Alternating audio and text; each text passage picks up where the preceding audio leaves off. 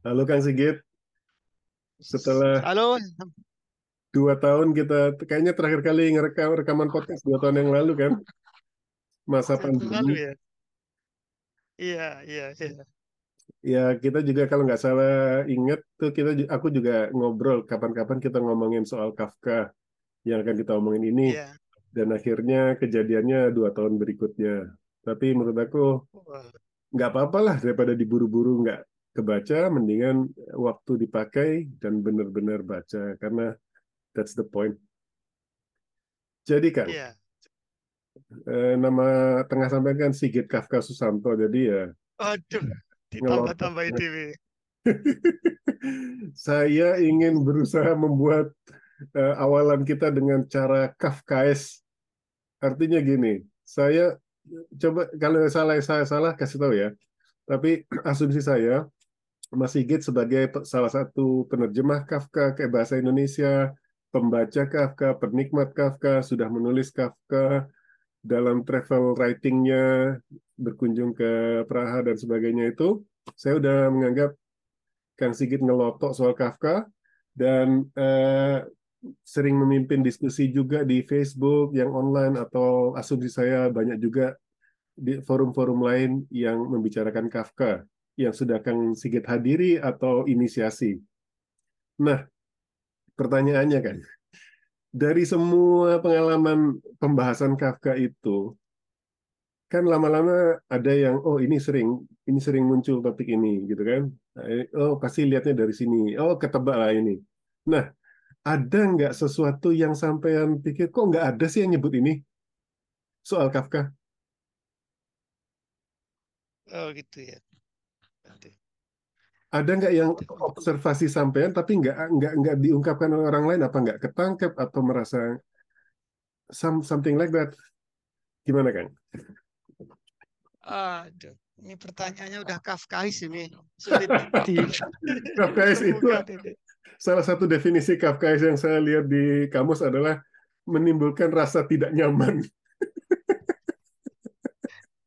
Aduh, iya, iya. Atau Eh, eh, gimana ya? Jadi yang saya eh, tidak temukan dari eh, penyuka karya Kafka di Indonesia yang saya temui teman-teman maupun di medsos.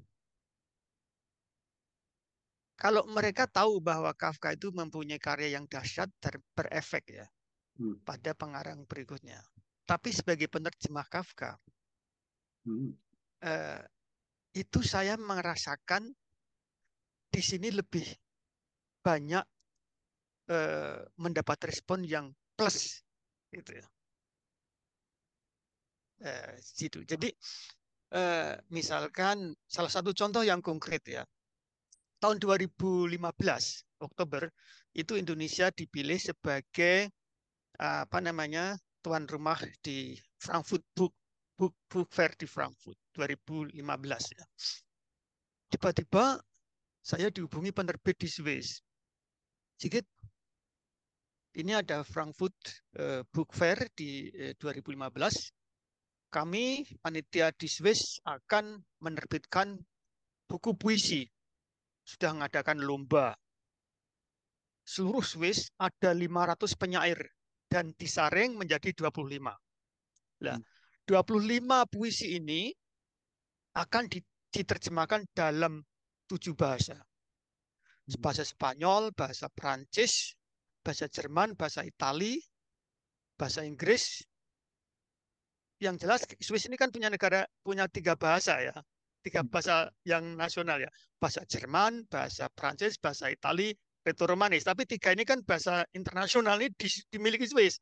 Nah ini puisi de- 25 penyair ini akan diterjemahkan ke tiga bahasa nasional ini Swiss, ditambah Spanyol dan Prancis, eh Inggris, dan bahasa Indonesia ada enam, enam bahasa Indonesia. Jadi puisi itu akan diterjemahkan di bahasa Indonesia. Terus sebelum Oktober 2015 harus saya pajang di Frankfurt. Kamu siap nggak menerjemahkan 25 puisi. Ya. Terus saya baca-baca dan kayaknya saya harus coba ya, beranilah gitu. Dan ketika saya terjemahkan dan berhasil di buku itu di apa namanya dipajangkan di Frankfurt, saya menemui sana membawa bukunya ke sana sendiri sudah terbit di Swiss. Di pengantar itu ada di pengantar dan macam-macam itu ditulis puisi 25 puisi penyair Swiss ini diterjemahkan dalam bahasa Indonesia karena Frankfurt tuan rumahnya itu negara tamunya Indonesia.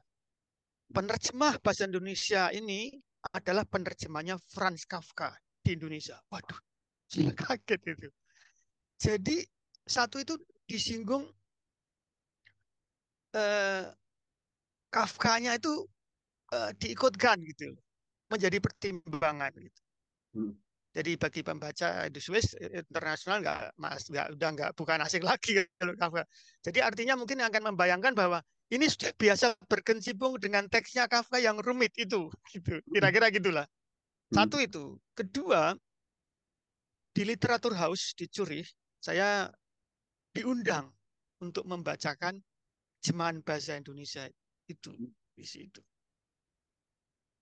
jadi jadi itu kita mem, jadi uh, di Frankfurt itu Oktober eh, terus bulan Oktober yang masih yang sama itu di Swiss juga ada namanya Zofingen Festival.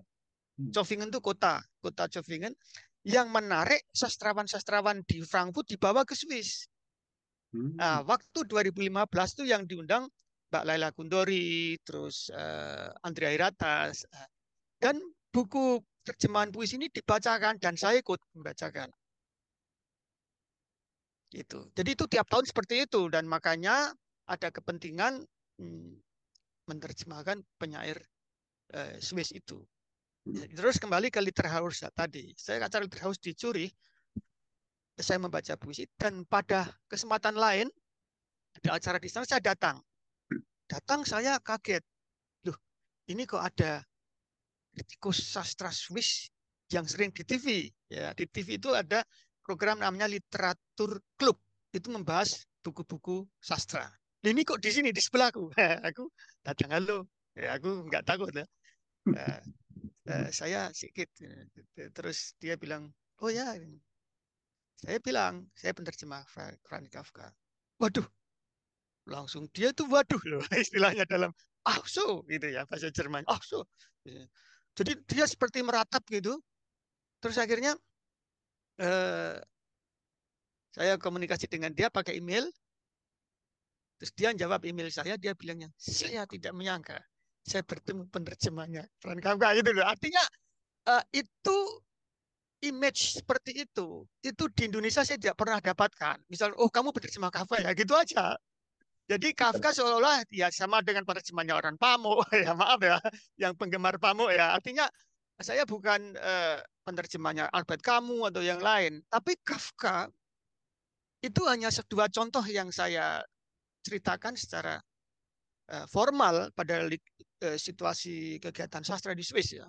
Belum lagi kalau aku ketemu orang-orang ini.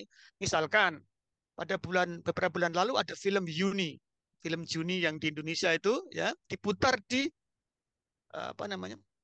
diputar di bioskop Swiss ya dan murid-murid SMA suruh nonton dia mencari orang Indonesia di Swiss suruh datang ke bioskop itu untuk menjawab pertanyaan siswa ketika saya datang saya bertemu dengan uh, pembicara dari Swiss yang lain baru kenal di situ nah, terus kamu belajar apa sastra Lalu aku menerjemahkan Kafka oh, dia kaget lagi gitu loh uh, artinya Kafka itu ekonya itu bukan hanya pada pengarang-pengarang sastra, pada pembacanya pun gitu loh.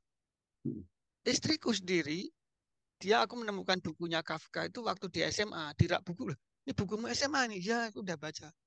Nah, jadi kalau aku kesulitan menerjemahkan diksi-diksi Kafka, aku tanya tanya di Google, tanya di kamus nggak ada, dan tanya istriku. Istriku jawabnya karena dia mandertangnya bahasa Jerman. Dia jawabnya selalu, kamu sudah tahu karya itu sulit kamu terjemahkan gitu. Hmm. Nah, seperti itu. Apalagi saya ketemu orang-orang di jalan yang kebetulan baca Kafka dan sebagainya itu responnya luar biasa. Dan itu Sia tidak menemukan di Indonesia kalau dalam ada acara sastra atau Kafka. Eh, itu ya ya mereka kebanyakan membicarakan karya metamorfosis gitu. Hmm. yang itu. Itu aja mas. Iya benar Kang, itu faktor reputasi di Kafka nanti akan saya sentil juga dalam konteks yang berbeda. Tapi ya eh, ada nama-nama besar yang bahkan tidak bukan seorang pembaca pun akan tahu kayak Shakespeare, Kafka, atau misalnya kalau di suatu negara eh, tahu eh, nama sastrawan besarnya sendiri seperti Norway, Ibsen, Hamsun, eh, Sigrid Undset. Saya dikit-dikit ya nggak sebesar efeknya nggak sebesar Kang Sigit, tetapi itu jadi icebreaker kalau di acara-acara ketemuan penerjemah atau ada kayak book book fair terus bilang saya nerjemah. Terjemahanmu apa? Oh si Christine Lafransdatter itu langsung dia mungkin nggak inget nama saya tapi dia langsung inget oh itu tadi yang anak yang tadi yang nerjemahin Christine Lafransdatter jadi ada ada faktor reputasi walaupun kalau saya kejar dia belum baca atau taunya ini buku besar gitu loh. Dan itu ya kita nikmati kalau saya nikmati aja akhirnya jadi kayak icebreaker atau jadi bisa mendapatkan semacam ke kepercayaan untuk melakukan hal-hal yang lain gitu loh. Oke Kang, kita ngomongin eh, buku kita harus jelasin atau kita flexing sedikit lah Kang, pamer sedikit lah. Betul. Nah, Banyak yang dibaca. Kita akan, kita akan membicarakan penulis yang namanya Franz Kafka yang terkenal dengan karyanya berjudul Metamorphosis dan banyak lagi. Saya cuma punya segini, Kang. Yang saya punya, nah Kang Sigit boleh pamer juga. Kayaknya Kang Sigit harus pamer buku juga dong. Kalau aku mamerin gimana ya? Tahu pergi sini ya. Ini ini koleksi buku Kafka semua ini. Dari atas sampai bawah. Uh, jadi seperti ini kira-kira lah ya.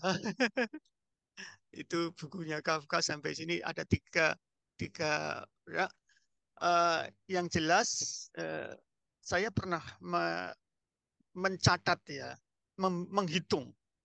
Sebetulnya Kafka ini menulis berapa judul sih ya, berapa judul karya itu. Hmm. Saya hitung dalam buku uh, Kafka yang ini ya, yang ini, ini ini termasuk buku yang uh, uh, babonnya lah ya, babonnya uh, babonnya prosa Kafka ini ada 84 judul. Itu the process. Ya? Termasuk ya? metamorphosis. Bukan, proses lain lagi. Eh, kalau proses, proses ini ya, ini proses yang saya terjemahkan ini. Novelnya oh. seperti sampai bodol. Oh, iya, iya. Aslinya seperti ini. Ya. Hmm. Tapi ini maksudku ini prosa, kumpulan prosa. Uh, ini tak hitung semuanya itu ada 84 judul. Hmm baik prosa mini maupun uh, semacam novelet ya. Jadi di sini metamorfosis kan termasuk novelet ya, bukan novel tapi novela atau novelet. Ini hmm. metamorfosis ada di sini, ada 84. Tapi yang tidak kalah pentingnya itu buku hariannya Kafka. Itu hmm. Kafka punya buku harian yang uh, lebih tebal daripada ini ya, lebih tebal daripada ini ya dan surat-surat Kafka kepada Felix Bauer itu ada 400 halaman kira-kira. Hmm. Ditambah ya buku harian, terus karya Kafka ini, terus trilogi novelnya. Yang pertama Amerika, yang kedua The Trial Process itu, yang ketiga uh, Castile. Jadi trilogi itu aja. Hmm. Trilogi novel ditambah ini, terus buku harian eh, termasuk surat-surat untuk pacarnya. Nah kalau itu. seperti yang sampean bilang tadi, udah pasti metamorfosis yang di, yang dibahas lah ya. Kalau gitu kita kita tunda aja metamorfosis ke belakang ya. Atau sampean mau ngomongin metamorfosis juga kan? Uh, saya ngikuti aja mas, ngikuti. Uh, mana yang impuls sampean muncul yang mana, saya ngikuti aja. Nah ini justru saya lagi mancing-mancing impuls sampean ini. Nah, oke, okay. Iya. kalau harus uh, membahas Kafka yang proper, sampai ngomongnya dari mana, kan? Uh, kalau metamorfosis itu saya pikir sudah paling banyak dibicarakan orang ya. Bahkan dari seluruh karya Kafka yang paling mendapatkan apresiasi terbesar, atau jumlah resensinya itu lebih dari 100 lah seluruh dunia ya. Artinya yang resensi-resensi yang bagus gitu. Termasuk uh, Vladimir Nabokov itu menerbitkan khusus hmm. karya ulang dari Metamorfosis disertai gambarnya dia sendiri gitu. Hmm. Banyak orang mengatakan ini harus serangga, Gregor Samsa ini serangga atau kecoa ya atau uh, lalat yang menjijikkan tapi versi daripada Vladimir Nabokov yang bukunya aku juga punya itu gambar kecoa itu. Yeah. Dia mengatakan bahwa barang siapa membaca metamorfosis ya tidak sekedar eh, cerita serangga itu adalah pembaca yang sangat brilian kira-kira gitu ya ya oke kalau gitu kita ya. mulai dari metamorfosis Monggo, silakan karena eh, apakah benar Kang kalau metamorfosis itu yang membuat dia jadi terkenal Kang? Secara kronologis. Membuat Kafka uh, jadi Sebetulnya ini kita cerita tentang karya yang diterbitkan Kafka semasa Kafka masih hidup ya. Iya. Jadi ada ada dua ada dua prosa Kafka yang diterbitkan semasa dia masih hidup. Hmm. Pertama adalah the judgment tadi ya hmm. penghakiman tadi cerpen itu yang kedua uh, cerpen berjudul uh, the stalker itu ya atau ah, juru api ya ya ya, ya. itu dua-duanya masuk di dalam kumpulan karya Kafka termasuk metamorfosis gitu jadi tiga ini berurutan ini satu dua tiga ini ya berurutan itu diterbitkan, itu Kafka menikmati. Diterbitkan sebagai kumcer ya, Kang? Kumpulan cerita ya? Uh, diterbitkan sebagai semacam apa ya? Kalau di sana istilahnya bukan ya, semacam uh, kumpulan cerita ya gitu ya. Ya jadi di Ercelungen gitu. Jadi tapi sebuah ban khusus gitu. Hmm, itu. Jadi apa Dan, tadi The Judgment atau The, the Judgment? Ya. Yeah. Dan The Stalk, Stalker itu yang The Stalker atau apa itu yang uh, juru api itu ya yeah. Der Heiser itu bahasa Jermannya. Kemudian yeah. metamorfosis. Eh, tiga ini uh, apa namanya? Hmm, tiga ini yang pertama kali mencuat ya, hmm. mencuat dipublikasikan uh, di di Berlin ya, hmm. di Berlin. Uh, dan seperti pengarang pada umumnya itu ya, di eh, apa namanya Robert Musil, Robert Musil yang eh, sastrawan Austria itu kebetulan dia menjadi lektor di penerbit Pfister di Berlin pada 2014. Dia menyarankan, wah ini metamorfosis ini kebanyakan ini tagnya ini kepanjangan, bisa nggak dipotong kira-kira gitu. Tapi kasus-kasus seperti ini sama dengan Thomas Mann. Thomas Mann dengan novelnya Buddenbrook, dia mendapatkan Nobel itu karena novel babonnya Buddenbrook itu juga disuruh mangkas kan tebal sekali. Kang yang dibilang kepanjangan yang dibilang kepanjangan itu bukan the trial kan? Bukan. Hmm. Bukan. Itu itu kan versi baru. Artinya itu itu hanya itu kan omongannya makro sebagai teman. Itu hmm. kepanjangan hmm. gitu kira-kira. Tetapi kalau metamorfosis ini aku juga baru tahu menemukan buku baru bahwa kepanjangan ini gitu. Terus Kafka nggak nggak menggubris itu ya. Hmm. Ini kembali ke sema belakangan eh, Thomas Mann juga Buddenbrook itu disuruh mangkas. Tapi sastrawan itu memang punya ciri yang keras kepala. Itu baik juga ya. Dia nggak mau mengubah-ubah dan akhirnya malah dapat Nobel tuh Thomas Mann. Ya, kembali ke Kafka ini. Dia diamkan aja dan dia diterbitkan. Setelah diterbitkan beredar, Kafka mendatangi temannya, rumah temannya, bapaknya temannya ini sudah membaca gitu. Hmm. Membaca membaca metamorfosis dan uh, ini bapak ini temanku Kafka mau datang dia. Oh aku udah baca nih. Nanti tak tanyakan kakak lah eh, setelah ditanya Kafka udah baca karyamu ini? Terus jawabnya Kafka itu bukan senang. Kalau dia wah itu cerita yang sangat menakutkan. Jadi dia tidak uh, tidak senang. Bahkan ketika Gregor Samsa meninggal, dalam sebelum jadi buku ya, waktu ditulis Gregor Samsa waktu meninggal, akhirnya meninggal pada akhirnya ditemukan oleh apa namanya pembantu itu pembantu rumah tangga itu tiba dipakai sapu dipuluh kok sudah meninggal gitu. Hmm. Dia menulis pada pacarnya Felis bahwa Hai Felis, hmm. ya, kamu mungkin akan apa namanya hmm, tahu bahwa tokohku itu meninggal. Jika kamu ikut uh, berprihatin, kira-kira dia akan tenang di sana. Kira-kira bayangkan itu. Ya, Tokoh itu fiksi. Ya. Tokoh fiksi meninggal itu dilaporkan pacarnya. Itu kira-kira itu. Ya itu kayaknya ada di bagian penutup dari buku ini ya kan, yang edisi ini ya. Jadi diceritain prosesnya si Kafka uh, mulai dari terbitnya ide sampai jadi cerita dan itu juga berkaitan dengan ketemuannya dengan si Felix Bauer itu uh, mereka surat-suratan. Jadi ketemu cuma sebentar tapi lebih intens surat-suratan. Kalau anak zaman sekarang mungkin uh, kirim-kirim message gitu ya tapi nggak ketemuan.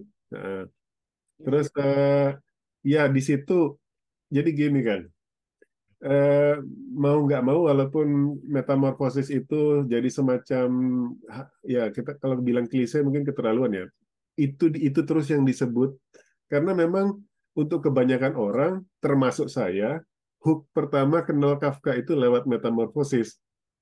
Jadi saya baca ini tahun 2008 kalau nggak salah atau sebelumnya pernah dengar soal Kafka, tapi saya mampir Praha, nggak ke Praha sih, cuman mau lewat karena pesawat murah lewatnya di situ. Terus uh, di airport-airport tuh ada dua edisi yang bagus menurut saya yang diterbitkan sama Vitalis yang satu meditation, yang satu the metamorphosis dan uh, meditation ini kayaknya kumpulan cerita-cerita. Betul, itu maksud saya. Uh, yang ada yang ada apa the judgment itu. The judgment malah nggak ada di sini. Nah ini kan, ini ini saya, ada. Oh. saya ngomong ini deh. Mungkin sebagai pembaca bahasa Jerman langsung tidak menghadapi kekacauan yang saya hadapi, karena uh, saya punya kebiasaan setelah punya podcast ini supaya membaca itu continuous. Uh, saya baca teksnya dan kalau saya sedang jalan atau sedang aktivitas lain olahraga atau apa saya lanjutkan dengan audiobook. Nah, uh, kalau saya misalnya sedang di bis pengen baca, saya nggak bawa bukunya, ada dalam bentuk digital. Jadi saya siapin itulah. Dan masalah utama dengan terjemahan Kafka adalah nggak ada yang sama semua. Jadi tiga bentuk media itu terjemahannya beda-beda semua yang uh, uh, yang cetak diterjemahkan siapa, yang digital cetak digital diterjemahkan siapa, yang audio diterjemahkan siapa, itu beda semua. Tapi ya udahlah, uh, saya akhirnya perlu sedikit lebih usaha untuk kalau mau melanjutkan itu saya di mana tadi itu nggak semudah kalau baca buku yang lain. But itu itu satu hal dan yang kedua juga edisi-edisinya itu isinya nggak sama. Misalnya metamorphosis eh, meditation ini kan tipis nih Kang. Isinya iya, iya. nggak ada The Judgment, tetapi edisi yang Metamorphosis and Other Stories yang ini itu ada The Judgment, ada The Stoker, ada Metamorphosis dan ada cita-cita kecil-kecil yang lain itu. Jadi ya mungkin karena reputasi Kafka yang sudah sebesar itu, yang mungkin juga sudah public domain ya kan, nggak perlu nggak perlu bayar ya, ya. kita lagi. atas 70 tahun meninggal sastrawan itu sudah menjadi public domain. Dan itu mungkin jadi apa ya semacam peneguhan reputasi Kafka dia sebegitu banyaknya diterjemahkan oleh orang. Eh, dan terjemahnya itu kadang-kadang beda banget loh kan kayak misalnya di uh, catatan pengantar sampean soal the trial ini sampai kan bilang si Fraulein Buschner itu melambangkan inisialnya melambangkan kekasihnya si iya. Kafka, Felix Bauer. Yeah. Di terjemahan audiobooknya nggak disebutkan FB, disebutkan Miss Buchner. Hilang kan? Uh, Miss Miss Buchner, Fräulein yeah. Karena Fräulein itu bahasa Jerman. Ya, yes. Ya. Tapi ya, kan bahasa tapi di, Miss kan gitu. Ya di, di jadi, jadi dia ya. Ah, ya, jadi kalau aku di dalam terjemahan itu kadangkala uh, kalau kita membaca histori eh, teksnya atau histori daripada biografi pengarangnya, dia hmm. Kafka itu tidak bisa lepas dari buku harian dan lingkungan sekitarnya. Hmm. Uh, jadi uh, peran bapaknya terutama dalam surat untuk ayah maupun yang di The Judgment itu itu muncul sekali keras sekali bahwa bapaknya seorang authoritarian gitu ya dalam keluarga. Termasuk Felix Bauer. Jadi dari seluruh karya Kafka ini ini Felix Bauer muncul eh, menyublim dalam novel proses dan bapaknya dalam surat untuk ayah ya. Jadi artinya bapak dan eh, bapak dan pacarnya Felix Bauer ini sering dijadikan eh, koel ya, sebuah sumber inspirasi untuk menulis. Hmm. Itu. Jadi eh, penerjemah yang canggih itu harusnya tetap dipertahankan Fräuleinnya meskipun itu artinya dalam bahasa Inggris miss kalau hmm. Miss kan juga inisialnya M, ya enggak? Hmm. Kalau Fräulein F. Tapi Bursner ini kan sebetulnya Felix Bauer, ya. Ini ini interpretasiku loh ya. Hmm. Tapi di dalam The Judgment itu kan ditulis for F gitu ya. Hmm. F artinya kan sebetulnya dimaksudkan dedicated for uh, Felix Bauer sebetulnya. Hmm. FP kalau nggak salah Palan FP kan? Atau F saja itu FP kayaknya. Nah itulah kira-kira. Jadi uh, uh, Felix. Jadi eh, karena Kafka ini karyanya itu abstrak dan banyak simbolis, hmm. eh, seharusnya kalau saya sebagai penerjemah bahasa Inggris ya tetap tak perhatikan Fräulein gitu. Jadi hmm. supaya menghasilkan uh, inisial Fräulein Bursner atau FP. Kalau Miss Bursner artinya MS kan gitu, MP kan, ya enggak. Hmm. MK, MP kan, nah, itu MP bisa jadi Max Brod temannya Kafka, kira-kira gitu. Nah, itu dia. Jadi ini pengalaman eh, dari situ aja kita udah bisa bilang pengalaman membaca bahasa aslinya sama pengalaman membaca bahasa Inggrisnya dengan segala saya nggak bilang kekacauan dengan segala macam uh, hal yang berbeda-beda itu tadi ag agak beda juga kita ngelihatnya dan saya juga sebagai penerjemah ngelihat oh iya ya ternyata penerjemah itu punya punya efek yang besar terhadap karya yang dihasilkannya karena ya itu tadi misalnya kalau dia nggak sensitif menangkap ini sebuah simbolisme atau sebuah inisial yang mengacu ke kehidupan pribadinya ya udah terjemahan apa adanya aja Fraulein jadi Miss gitu kan jadi jadi di ya. edisi ya. Indonesia-nya Fraulein tetap ya Kang saya eh, saya pertahankan Fraulein kalau nggak salah saya pertahankan Fraulein Nah, kalau saya jadi nona kan jadi NP ya enggak? Iya, kacau lah semuanya. Nah, iya. Ya, jadi jadi jadi eh, jadi seperti itu. Eh, apa namanya? Eh, sistem terjemahnya harus mengikuti bagaimana eh, gaya penulis itu. Hmm. Yang pembacaku, pembacaku, terjemahanku, baik proses maupun yang lain, biasanya ada yang bilang, wah terlalu panjang. Saya sulit me mengkatamkan karena kalimat-kalimat Kafka itu panjang-panjang. Uh, dan saya hadirkan dalam bahasa Indonesia pun panjang. Ya. Kenapa? Ya enggak. Pertama, saya ingin menunjukkan bahwa teknik penulisan karya Kafka itu kalimatnya panjang-panjang. Bahkan ada dua halaman setengah itu satu dialog seorang tokoh A bicara itu panjangnya sampai dua setengah halaman hmm. baru tanda baca penutup gitu. bayangkan itu eh, ini jarang kita temui ya enggak? Dan dan saya hanya ingin menunjukkan inilah gaya Kafka. Meskipun teksnya dalam bahasa Indonesia tetapi struktur dan kalimatnya panjang-panjang. Eh, saya tidak mau kompromi dengan pembicara pem, pembaca ya Pembaca harus bisa uh, berjuang sendiri karena kita penerjemah juga sulit. Ya enggak? Uh, saya pernah tanya guru saya Fritzen ya yang ngajar Ulysses. Translator is the best reader. Gitu artinya.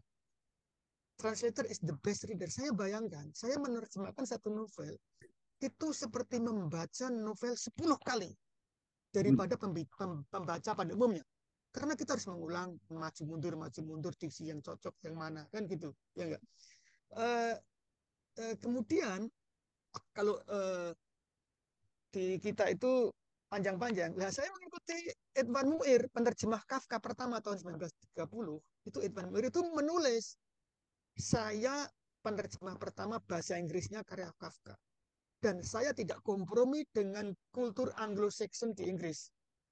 Saya menghadirkan persis apa yang gaya Kafka seperti ini. Dan pembaca bahasa Inggris karya Kafka pertama itu juga kelabakan juga bingung gimana ini jadi itulah akhirnya eh, memang eh, Kafka lah eh, muncul tanpa kompromi dengan budaya lokal gitu. nah, kira-kira gitu kembali ke karya metamorfosis Kang saya akan mengatakan pengalaman saya membaca dan mengapa saya uh, kepincut di situ gitu kan tapi konteksnya adalah tahun 2008-an saya masih jauh lebih muda dan artinya masih apa namanya? Gregor Samsa muda lah ya. Sekarang Gregor Samsa udah mendekati tua ya. Iya, belum jadi belalang juga sih. Enggak maksud saya itu ketika itu masih ada sisa-sisa uh, apa yang kata yang tepatnya agak gaya-gayaan, snob oh karya besar itu harus sulit, karya besar itu harus begini, karya besar itu dan kalau udah membaca itu menunjukkan oh saya udah baca Kafka nih, saya udah baca ada masih ada perasaan kayak gitu. Iya. iya. Jadi ya terlepas ya. terlepas ada reputasi, termasuk gaya-gayaan itu juga kalau anak muda nyebutnya sekarang flexing gitu loh. Oh orang-orang lain pada kesulitan baca ini saya udah baca gitu loh. Jadi saya agak istimewa. Nah, tapi Eh, menurut menurut saya metamorfosis itu layak untuk dikagumi karena mungkin dia benar-benar menghentak bahwa orang belum pernah lihat sesuatu yang seperti ini sebelumnya. Jadi misalnya gayanya yang minute by minute, detik per detik diliatin jadi mulai dari kita jadi bisa mengikuti apa yang kita bisa merasa ada di dalam kepalanya si belalang ini eh, si si serangga atau binatang apa lah itu ya. Kadang-kadang di bahasa oh, ya. di bahasa Inggris disebut vermin, hama. Nggak disebutkan yeah. spesifik serangga atau apa gitu. Nah, terus caranya dia melihat ke pintu, caranya dia me, caranya dia menyadari perubahan dirinya dari manusia menjadi binatang itu dan efek-efek apa yang terjadi ketika kamu berubah itu sangat vivid, sangat detail dan gamblang. Itu yang menurut saya eh, daya tarik besarnya. Nah, setelah saya baca lagi sekarang, daya tarik besarnya yang yang nambahin itu adalah sebenarnya pengalaman orang-orang di sekitarnya ketika salah satu anggota keluargamu mengalami perubahan itu.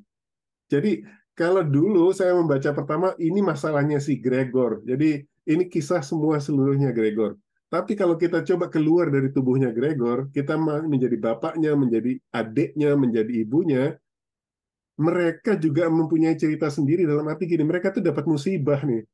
Jadi kamu mendapatkan seseorang yang kalau dia bukan Gregor, kalau dia bukan kakaknya, sudah dibuang aja nih binatang kok. Tetapi dia masih punya uh, dia masih punya ingatan atau kenal lalu bahwa ini kakak saya, bahwa ini anak saya gitu loh. Walaupun wujudnya sama kebiasaannya dia udah nggak makan makanan yang dia suka dulu.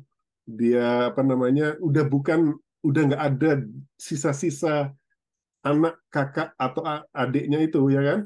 Tapi mereka masih bergayut sama kenangan itu until some point sampai tahap tertentu. Bahkan si adiknya pun menyerah kan?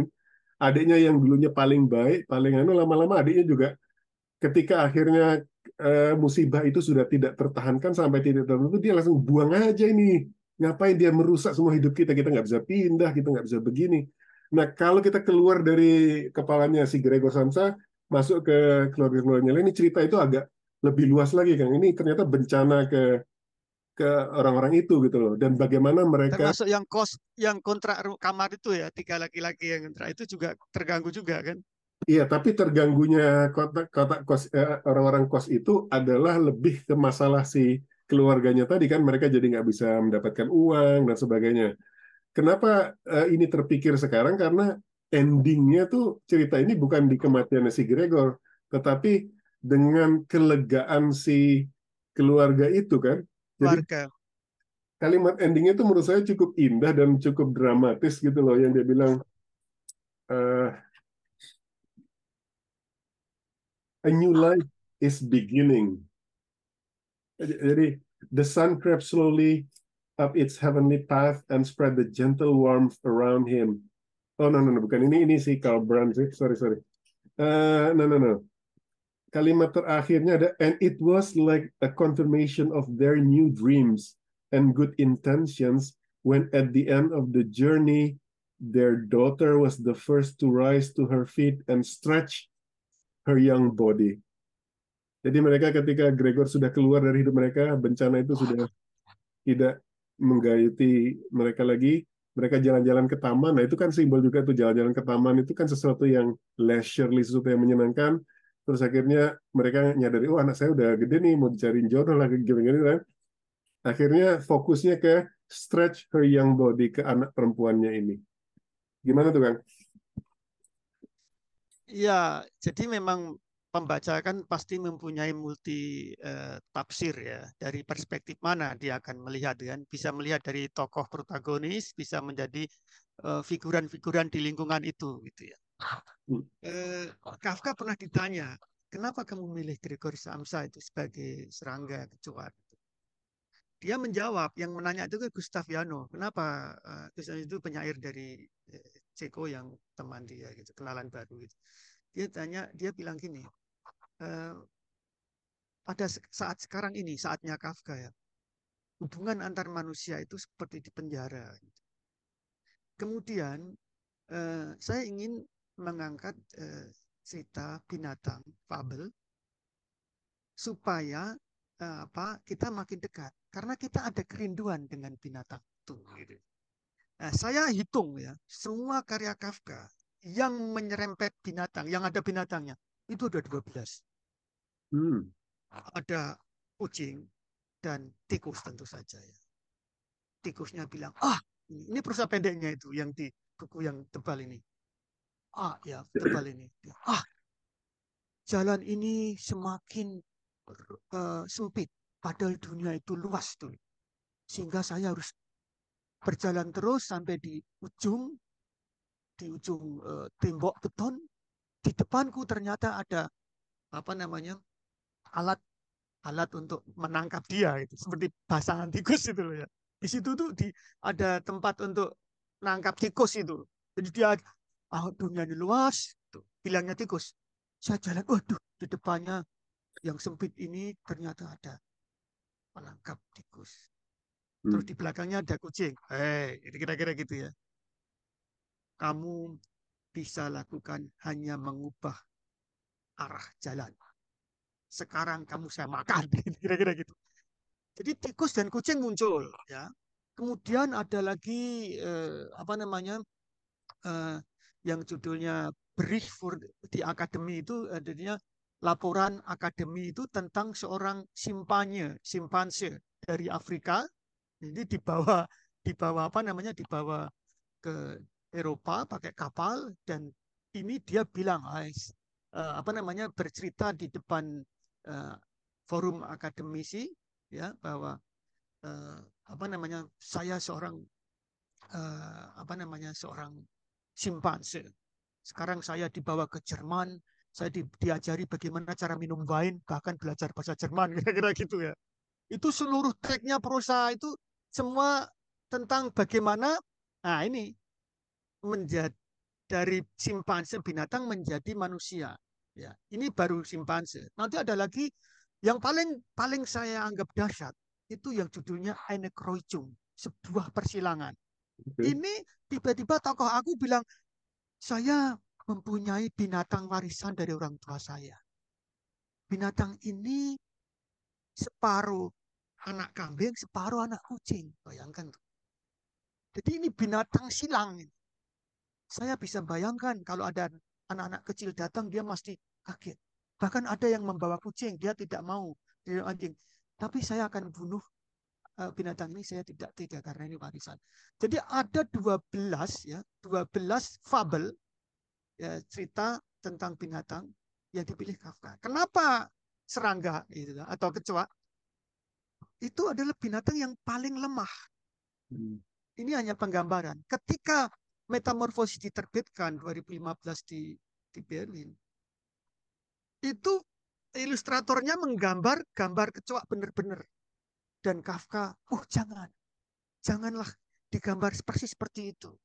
Saya lebih suka apabila sampul sampulnya metamorfosis ini, anggaplah seorang yang baru bangun, tidur dan sempoyongan.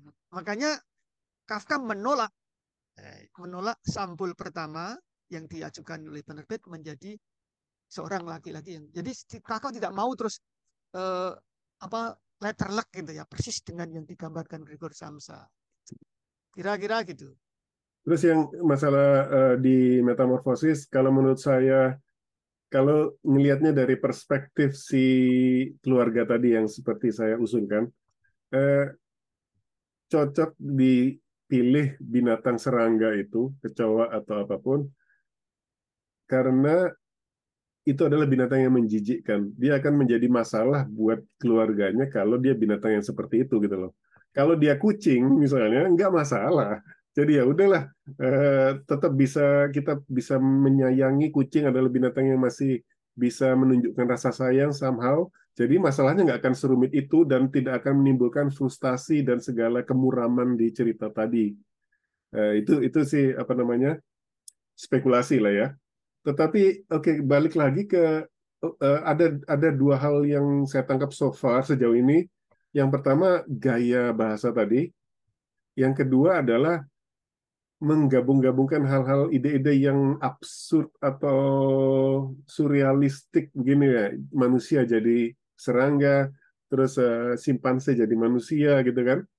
Mungkin itu shocking waktu zaman dia karena belum ada yang melakukan itu kan mungkin saya saya mungkin nggak banyak referensi ya. Yang saya ingat cuma Frankenstein, tapi apakah Frankenstein itu sebelum atau sesudah Kafka?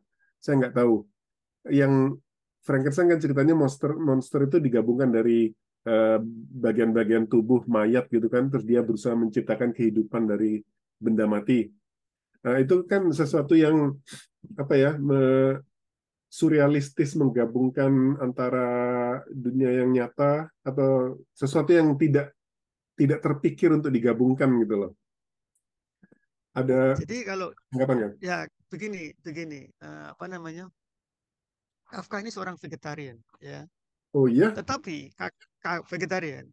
Hmm. Bukan yoga kalau aku yoga.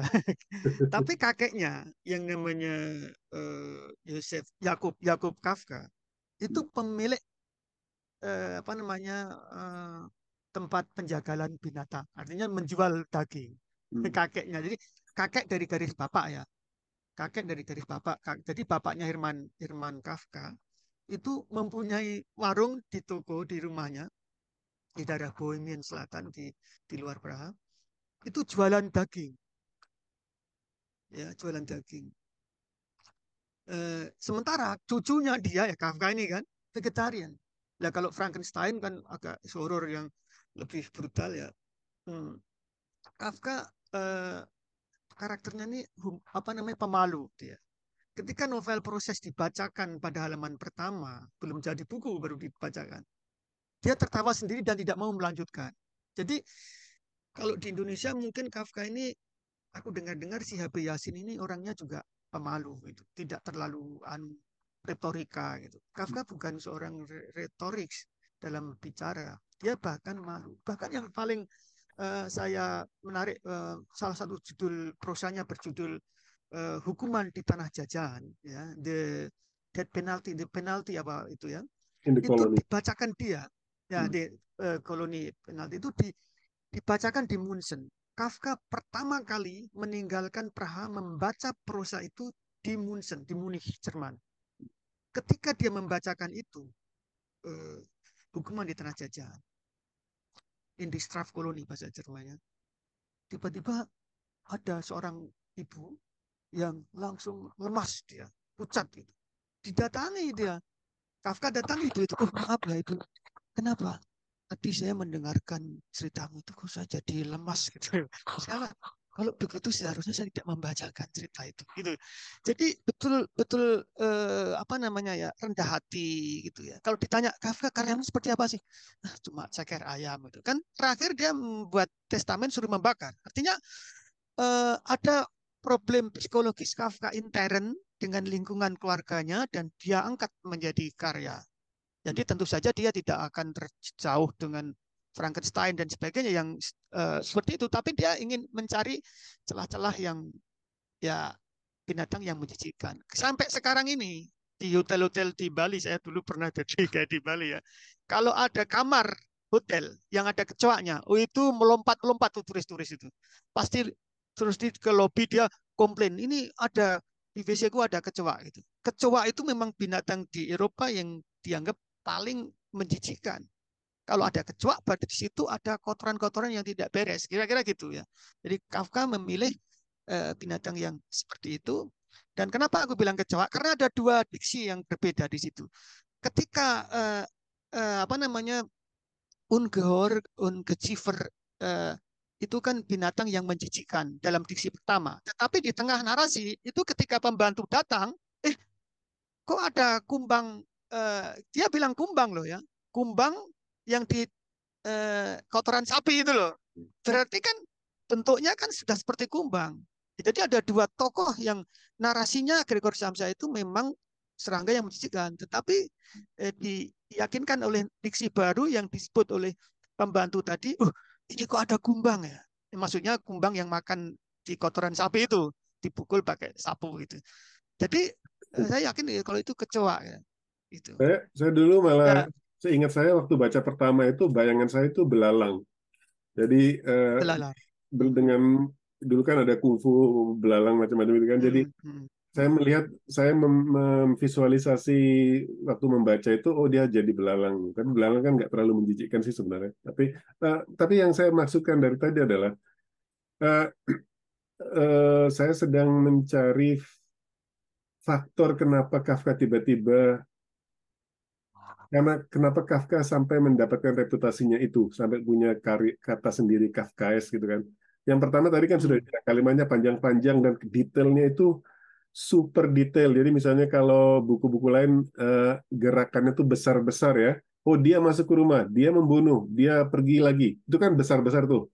Kalau Kafka itu bisa dari dia masuk ke rumah sampai dia membunuh, misalnya itu kan ada eh, detail-detail uh, yang bisa diisi. Sama Kafka itu diisi semua gitu kan? Jadi kita bisa seakan-akan kayak film itu gerakannya lambat. Oh diliatin semua kita bisa ngelihat.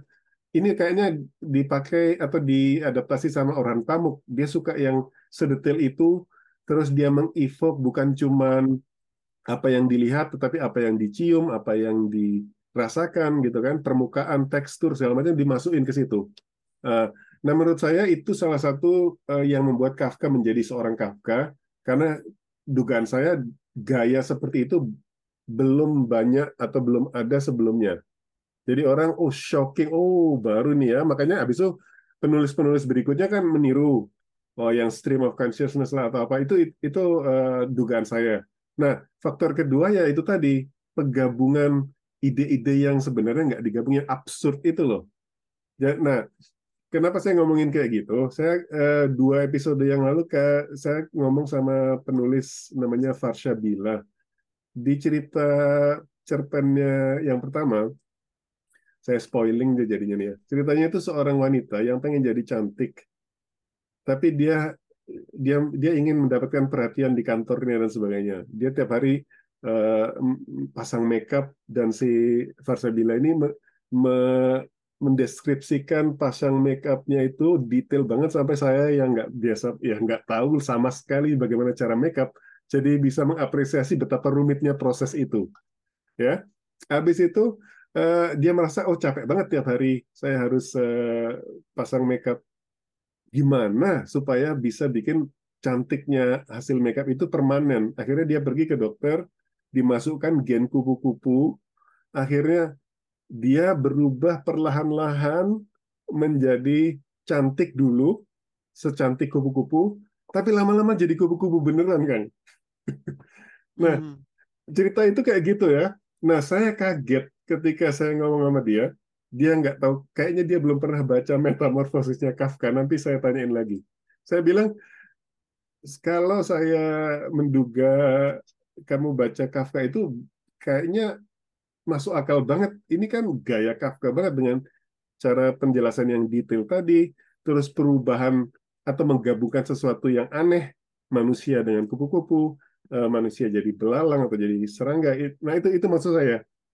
apakah ini salah satu faktor yang membuat Kafka akhirnya menjadi inspirasi gaya atau tema dari penulis-penulis berikutnya. Itu maksud uh, saya kalau kalau gini, uh, waktu Gabriel Garcia Marquez ya uh, berumur 19 tahun, 17 tahun, dia bilang saya sudah saya sudah di luar kepala pembukaan metamorfosis. Gregor Samsa bangun dari mimpi buruknya tiba-tiba berubah menjadi kecoa raksasa di ranjang. Hmm. Itu Gabriel Garcia Marquez masih umur 17 atau 19 tahun. Hmm. Kemudian dari kontensnya metamorfosis dia bilang, "Oh, ternyata boleh toh membuat cerita seperti ini." Itu dia. Hmm. Jadi boleh toh ternyata orang bangun pagi tiba-tiba menjadi kecoa raksasa. Hmm. Boleh toh. Nah, saya, saya membaca satu cerpennya Gabriel Garcia Marquez. Saya juga lupa judulnya. Seorang tokoh tidur di sebuah kamar hotel. Pagi-pagi dia bangun, sudah berada di kamar kamar yang lain gitu. Ini kok kamar yang saya tiduri bukan ini ya. Kemarin saya di sana kayaknya. Kira-kira gitu. Jadi uh, itu memang uh, apa namanya gaya Kafka itu akhirnya diimitasi oleh beberapa orang pengarang-pengarang yeah. berikutnya.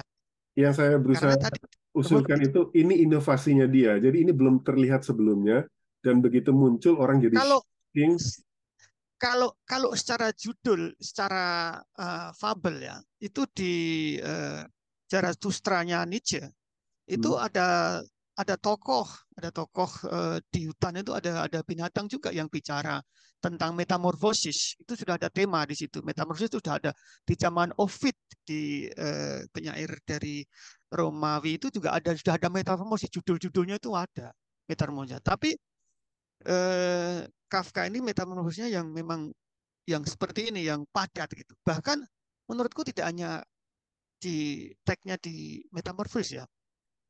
Hampir seluruh karya Kafka, baik prosa mini maupun novelet maupun novel, gaya-gayanya muram seperti itu.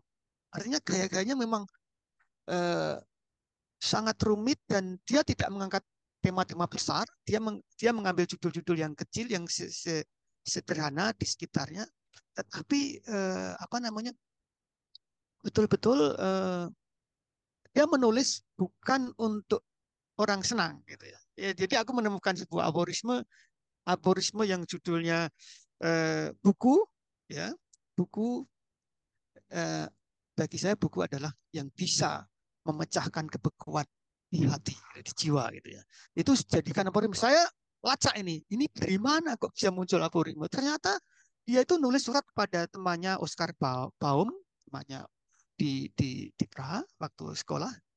Saya kalau menulis bukan yang ringan dan saya kalau menulis tidak menyenangkan orang. Buku ibarat sebuah kapak yang bisa memecah kebekuan jiwa. Jadi uh, mirip dengan Sartre eh, slogan-slogannya ya. Saya kalau menulis tidak yang berat, saya akan uh, sakit dan lebih parah lagi. Jadi jadi memang orientasinya ke sana. Jadi jangan harapkan membaca bukunya karya Kafka dia sambil senyum-senyum bagi bisa tenang, bisa happy. Tidak, dia tidak membuat orang happy dalam membaca karya itu, tapi dia membuat pembaca itu menjadi berpikir ulang gitu. Apa benar enggak?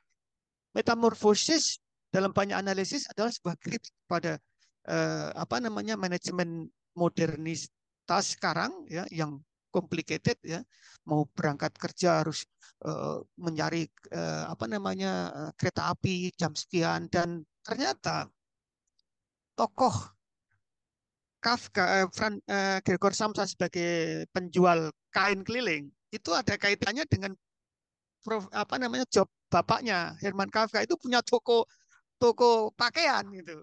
Hmm. Tapi dia Kafka pernah bilang sebetulnya saya uh, kecewa sebetulnya tidak sebagai penjual uh, kain gitu. Dia kan pedagang keliling, pedagang kain keliling. Itu sebetulnya itu uh, masih ada kaitannya dengan bapaknya itu punya toko kain gitu. Kira-kira seperti itu. Ya. Kalau soal untuk tidak membuat orang senang dengan membaca itu itu sudah ada di agenda saya kan. Jadi saya sedang saya sedang hmm. ngalem-ngalem dulu kan. hmm. Jadi yeah. apa namanya metamorfosis itu makanya metamorfosis itu uh, uh, hal yang bagus banget. Maksudnya hal yang bisa menghook orang Karena kalaupun dia tidak mendapatkan kesenangan di situ, dia mendapatkan hal yang baru. Jadi kan kesenangan itu kan macam-macam bentuknya. Ada kesenangan itu, kesenangan membaca maksudnya. Kesenangan mengkonsumsi cerita. Ada yang oh karena uh, ada ada ada unsur diri saya di buku situ, di buku itu ada karakter yang mirip atau ada kejadian yang pernah saya alami, itu satu.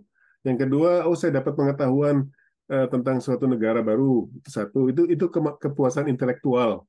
Ada lagi yang masalah, oh saya dikejutkan, oh, saya bisa di shocking, itu mungkin kenikmatan membaca horor atau membaca crime dan sebagainya. Nah, membaca metamorfosis, saya setuju nggak ada yang menyenangkan di situ dari segi-segi yang saya sudah sebut. Uh, nggak ada yang membuat hati jadi hangat dan sebagainya, tetapi di situ ada faktor kebaruan. Oh, ada toh seperti Gabriel Garcia Marquez oh boleh toh uh, bikin cerita kayak gitu. Oh boleh toh bikin cerita uh, manusia tiba-tiba jadi serangga dan begitu gitu kan, tanpa memberikan penjelasan kenapa, tanpa menjelasan memberikan penjelasan akhirnya bagaimana, kenapa kenapa jadi begitu gitu kan kan bisa saja dibikin uh, belalangnya jadi lebih bagus. Dia bisa jadi banyak cara untuk membuat itu lebih menyenangkan. Tapi itu tidak dipilih oleh Kafka. Tetapi metamorfosis tetap menjadi uh, rujukan orang kalau dia ingin mendapatkan reputasi Kafka. Oh ya saya sudah baca Kafka berarti saya pembaca yang lebih hebat dari yang lain misalnya gitu kan. Uh, dengan metamorfosis karena kebaruannya itu tadi plus dia pendek menurut saya. Jadi kalau kamu tersiksa nggak lama-lama. Terus yang kedua, yang ketiga ya gaya bahasa tadi tuh semua. Jadi kebaruannya itu kan. Saya saya ngambilnya gini kan. Dalam musik ya, eh, kan ada orang bilang ada ah, ah, ah, musik musik pasaran atau musik yang kelas tinggi yang saya nggak ngerti gitu kan. Eh, kadang-kadang kalau kita menikmati musik, saya dulu suka suka menikmati gitar banget waktu masih kecil, eh, masih lebih muda dan ada lagu-lagu yang siapa pun yang memainkan itu saya akan ter tergerak oh ini menyenangkan banget. Tetapi ada juga yang harus dimainkan oleh orang itu karena dia misalnya mainnya dengan sangat cepat atau dia mainnya dengan nada tinggi atau dia mainnya sangat kencang jadi ada sesuatu yang bukan cuma urusan perasaan tapi lebih ke teknik yang membuat itu jadi menarik. Uh, uh, penampilan itu jadi menarik atau pertunjukan itu jadi menarik. Tetapi ini bukan pertunjukan yang akan menghibur saya ketika saya sedang sedih. Saya nggak akan terhibur nonton gitar yang cepat-cepat itu tadi. Tapi kalau kayak saya sedang enak-enakan gitu, wow hebat ya, gitu kan? Bisa bisa gitar bisa main gitar secepat itu. Dan kadang-kadang nonton satu kali cukup yang gitar secepat itu karena kalau udah di tonton kedua kali dia nggak akan lebih cepat lagi kan dia karena yang dijual cepatnya itu gitu kan Nah, itu yang saya uh, berusaha atau narik-narik lah. Apakah itu faktor Kafka gitu loh? Kenapa?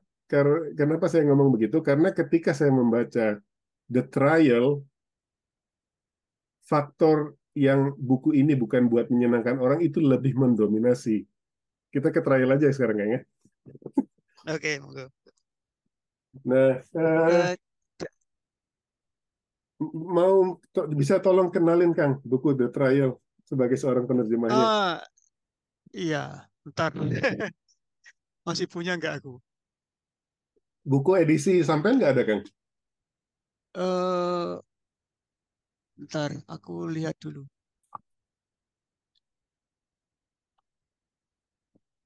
Ini ini terjemahanku. Eh, sip. Ya, ini terjemahku terus satu lagi surat untuk ayah. Oh, untuk ayah. Okay. Surat untuk ayah.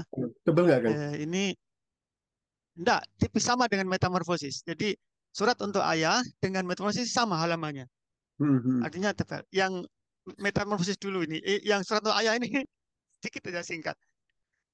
50 tahun lalu ini sudah diterjemahkan dalam bahasa Indonesia, bahasa Jepang, bayangkan tuh. Hmm. Jepang. Jadi kalau Haruki Murakami jadi long list di Nobel Prize ya wajar lah. Kafka ini surat untuk ayah ini sudah 50 tahun lalu sudah dalam bahasa Jepang. Siapa ini yang... baru saya terjemahkan dari Siapa? 2018 baru saya terjemahkan ke bahasa Indonesia. Di Indonesia belum ada. Yang nerjemahin siapa ke Jepang, Kang? aku lupa. Tapi yang jelas dalam si story itu uh, surat untuk ayah itu uh, terus uh, uh, percakapan dengan bentar bentar. Ini cakapan dengan uh, ini metamorfosis satu lagi uh, surat uh, apa namanya percakapan dengan dengan dengan Kafka karangan Gustaviano atau percakapan kedua. Uh, kembali gini ya ke proses ya. Proses terjemahkan cukup lama ya.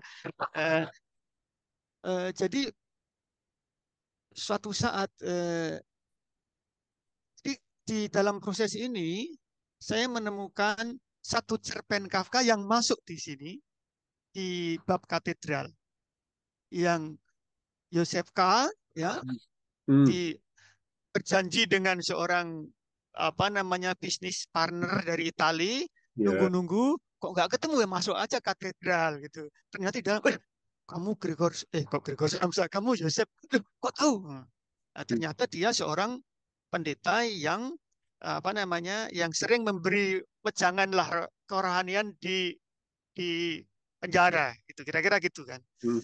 uh, jadi di situ panjang lebar. Di dalam uh, uh, the meditation tadi mas itu di situ ada itu uh, apa namanya uh, judulnya before the law. Oh oke. Okay. ya itu. Jadi Kafka itu juga uh, memasukkan dari cerpen dimasukkan dalam satu bab di di eh, apa namanya satu bab di novel proses. Tapi terus di novel Amerika juga. Di novel Amerika itu di, di Stalker itu itu masuk bab pertama di Amerika novel Amerika. Hmm. itu jadi sebelum novel itu beredar artinya Kafka baru nerbit baru nulis satu bab ini sudah didorong-dorong temannya suruh ini dimasukkan. Ternyata sambutannya meriah gitu. Sambutannya meriah dan uh, terus akhirnya lanjutkan lagi terjadilah novel Amerika. Tapi novel Amerika itu judul yang yang ngasih makrut yang judulnya asli itu Der atau artinya hilang tanpa jejak kira-kira gitu. Ya, kembali ke ini ya ke proses. Uh, ke proses ini judulnya hampir mirip dengan metamorfosis ya. Yosef K. Bangun dari tidurnya tiba-tiba ditangkap kan gitu kan tanpa kesalahan apa pun gitu. Uh, saya baca beberapa judul karya Frank Kafka pembukaannya itu memang direct gitu ya direct to the point tidak terus bangun pagi burung apa ayam berkokok gitu kira-kira di tempat kita kan gitu ya ayam berkokok ini enggak langsung gitu. di dalam insight dalam cerita ini ketika Joseph K pulang dari eh, ke kamarnya ketemu Fräulein Busner, eh, dia bilang, oh maaf ya Fräulein Busner, tadi kamarmu ini acak-acakan karena tadi ada pegawai dari pengadilan mau mendemonstrasikan ya, mau merekonstruksi bagaimana ini kan. Oh nggak apa-apa, gimana caranya? Uh, diceritakan tadi di sini, terus ini, tapi kan pelan-pelan di malam ini. Terus uh, apa namanya? Uh, Yosef kan ini panjang ceritanya. Cerita panjang tadi duduk di sana terus di sofa ini digeser sini gitu. Di Fräulein Busner bilang saya tidak perlu pengantar. Gitu. Ini menarik ini sebutan ini. Saya tidak perlu pengantar. Ceritakan apa dan. Jadi akhirnya memang Kafka kalau menulis sebuah cerita proses itu tanpa pengantar. Pembukaannya itu tidak terus uh, ayam berkokok di pagi hari enggak langsung to the point supaya pembicara pembaca itu mungkin langsung ini bangun pagi udah ditangkap ya. Kan gitu ya enggak uh, Gabriel Garcia Marquez pernah mempunyai statement tulislah kalimat pertama yang indah supaya kalimat-kalimat berikutnya dibaca oleh pembaca kira-kira gitu. Jadi kalau ini dikaitkan ya agak mirip ya. Jadi memang uh, ketika Max Brod tanya Max Brod itu sebetulnya proses itu yang menarik itu bagian mana? Gitu kalau Kafka tadi nyebut bagian katedral ya, bagian tadi diskusi yang panjang itu.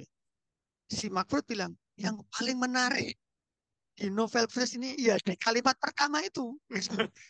Yosef K bangun terus tiba-tiba ditangkap tanpa kesalahan apa pun gitu. Itu menurut Makfrud ya. Uh, uh, jadi di proses ini sebetulnya kalau kita lacak dari uh, history text-nya sebetulnya adalah uh, dia kan pacaran dengan Felix Bauer itu ya seorang ahli steno di Berlin itu tiga kali berturut-turut tunangan itu gagal terus gitu loh. Hmm. di apa namanya di di hotel uh, Askanischer Hof di di Berlin itu ya. Jadi uh, apa namanya mau ini problemnya mau dia cancel untuk kawin itu pertama karena dia punya TBC ya kedua dia juga ada semacam apa ya tendensi bukan impoten ya, tapi ada tendensi takut satu satu rumah dengan perempuan gitu ya. Itu. Tapi meskipun Milena Jesenka pacarnya dia yang lain ya setelah Felix Bauer dia bilang saya yakin Kafka seorang gentleman kira-kira gitu ya. Jadi, dia mungkin nggak tahu bagaimana uh, dia bisa mendiskusikan itu. Hmm, jadi di dalam proses itu Kafka menggambarkan sebuah carut marut apa namanya carut marut dunia hukum ya pada waktu itu tentu saja. Dan saat saya menerjemahkan ini itu pas di Indonesia baru ada Novanto itu yang yang ketabrak apa namanya yang pengacaranya nabrak tiang listrik gitu ya.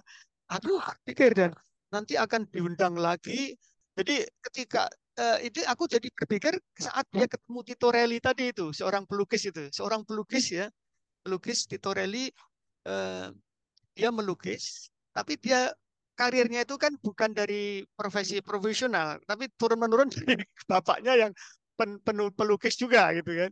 Dan ternyata uh, dia juga merangkap sebagai semacam advokat bisa kamu nanti saya apa KKN lah dengan saya nanti bisa tak lepas. Kamu ada ada tiga uh, bebas murni, bebas bersyarat, bebas yang uh, semi. Nanti artinya kamu sudah dibebaskan, tapi nanti surat datang lagi memanggil kamu.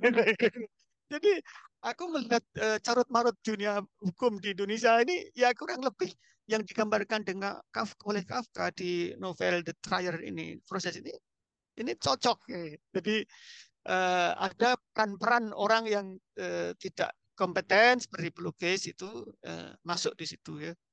Di catatan pinggir Gunungan Muhammad di Tempo itu peran nulis tutorial judulnya. Jadi, apa namanya tentang tokoh seniman ini pelukis ini.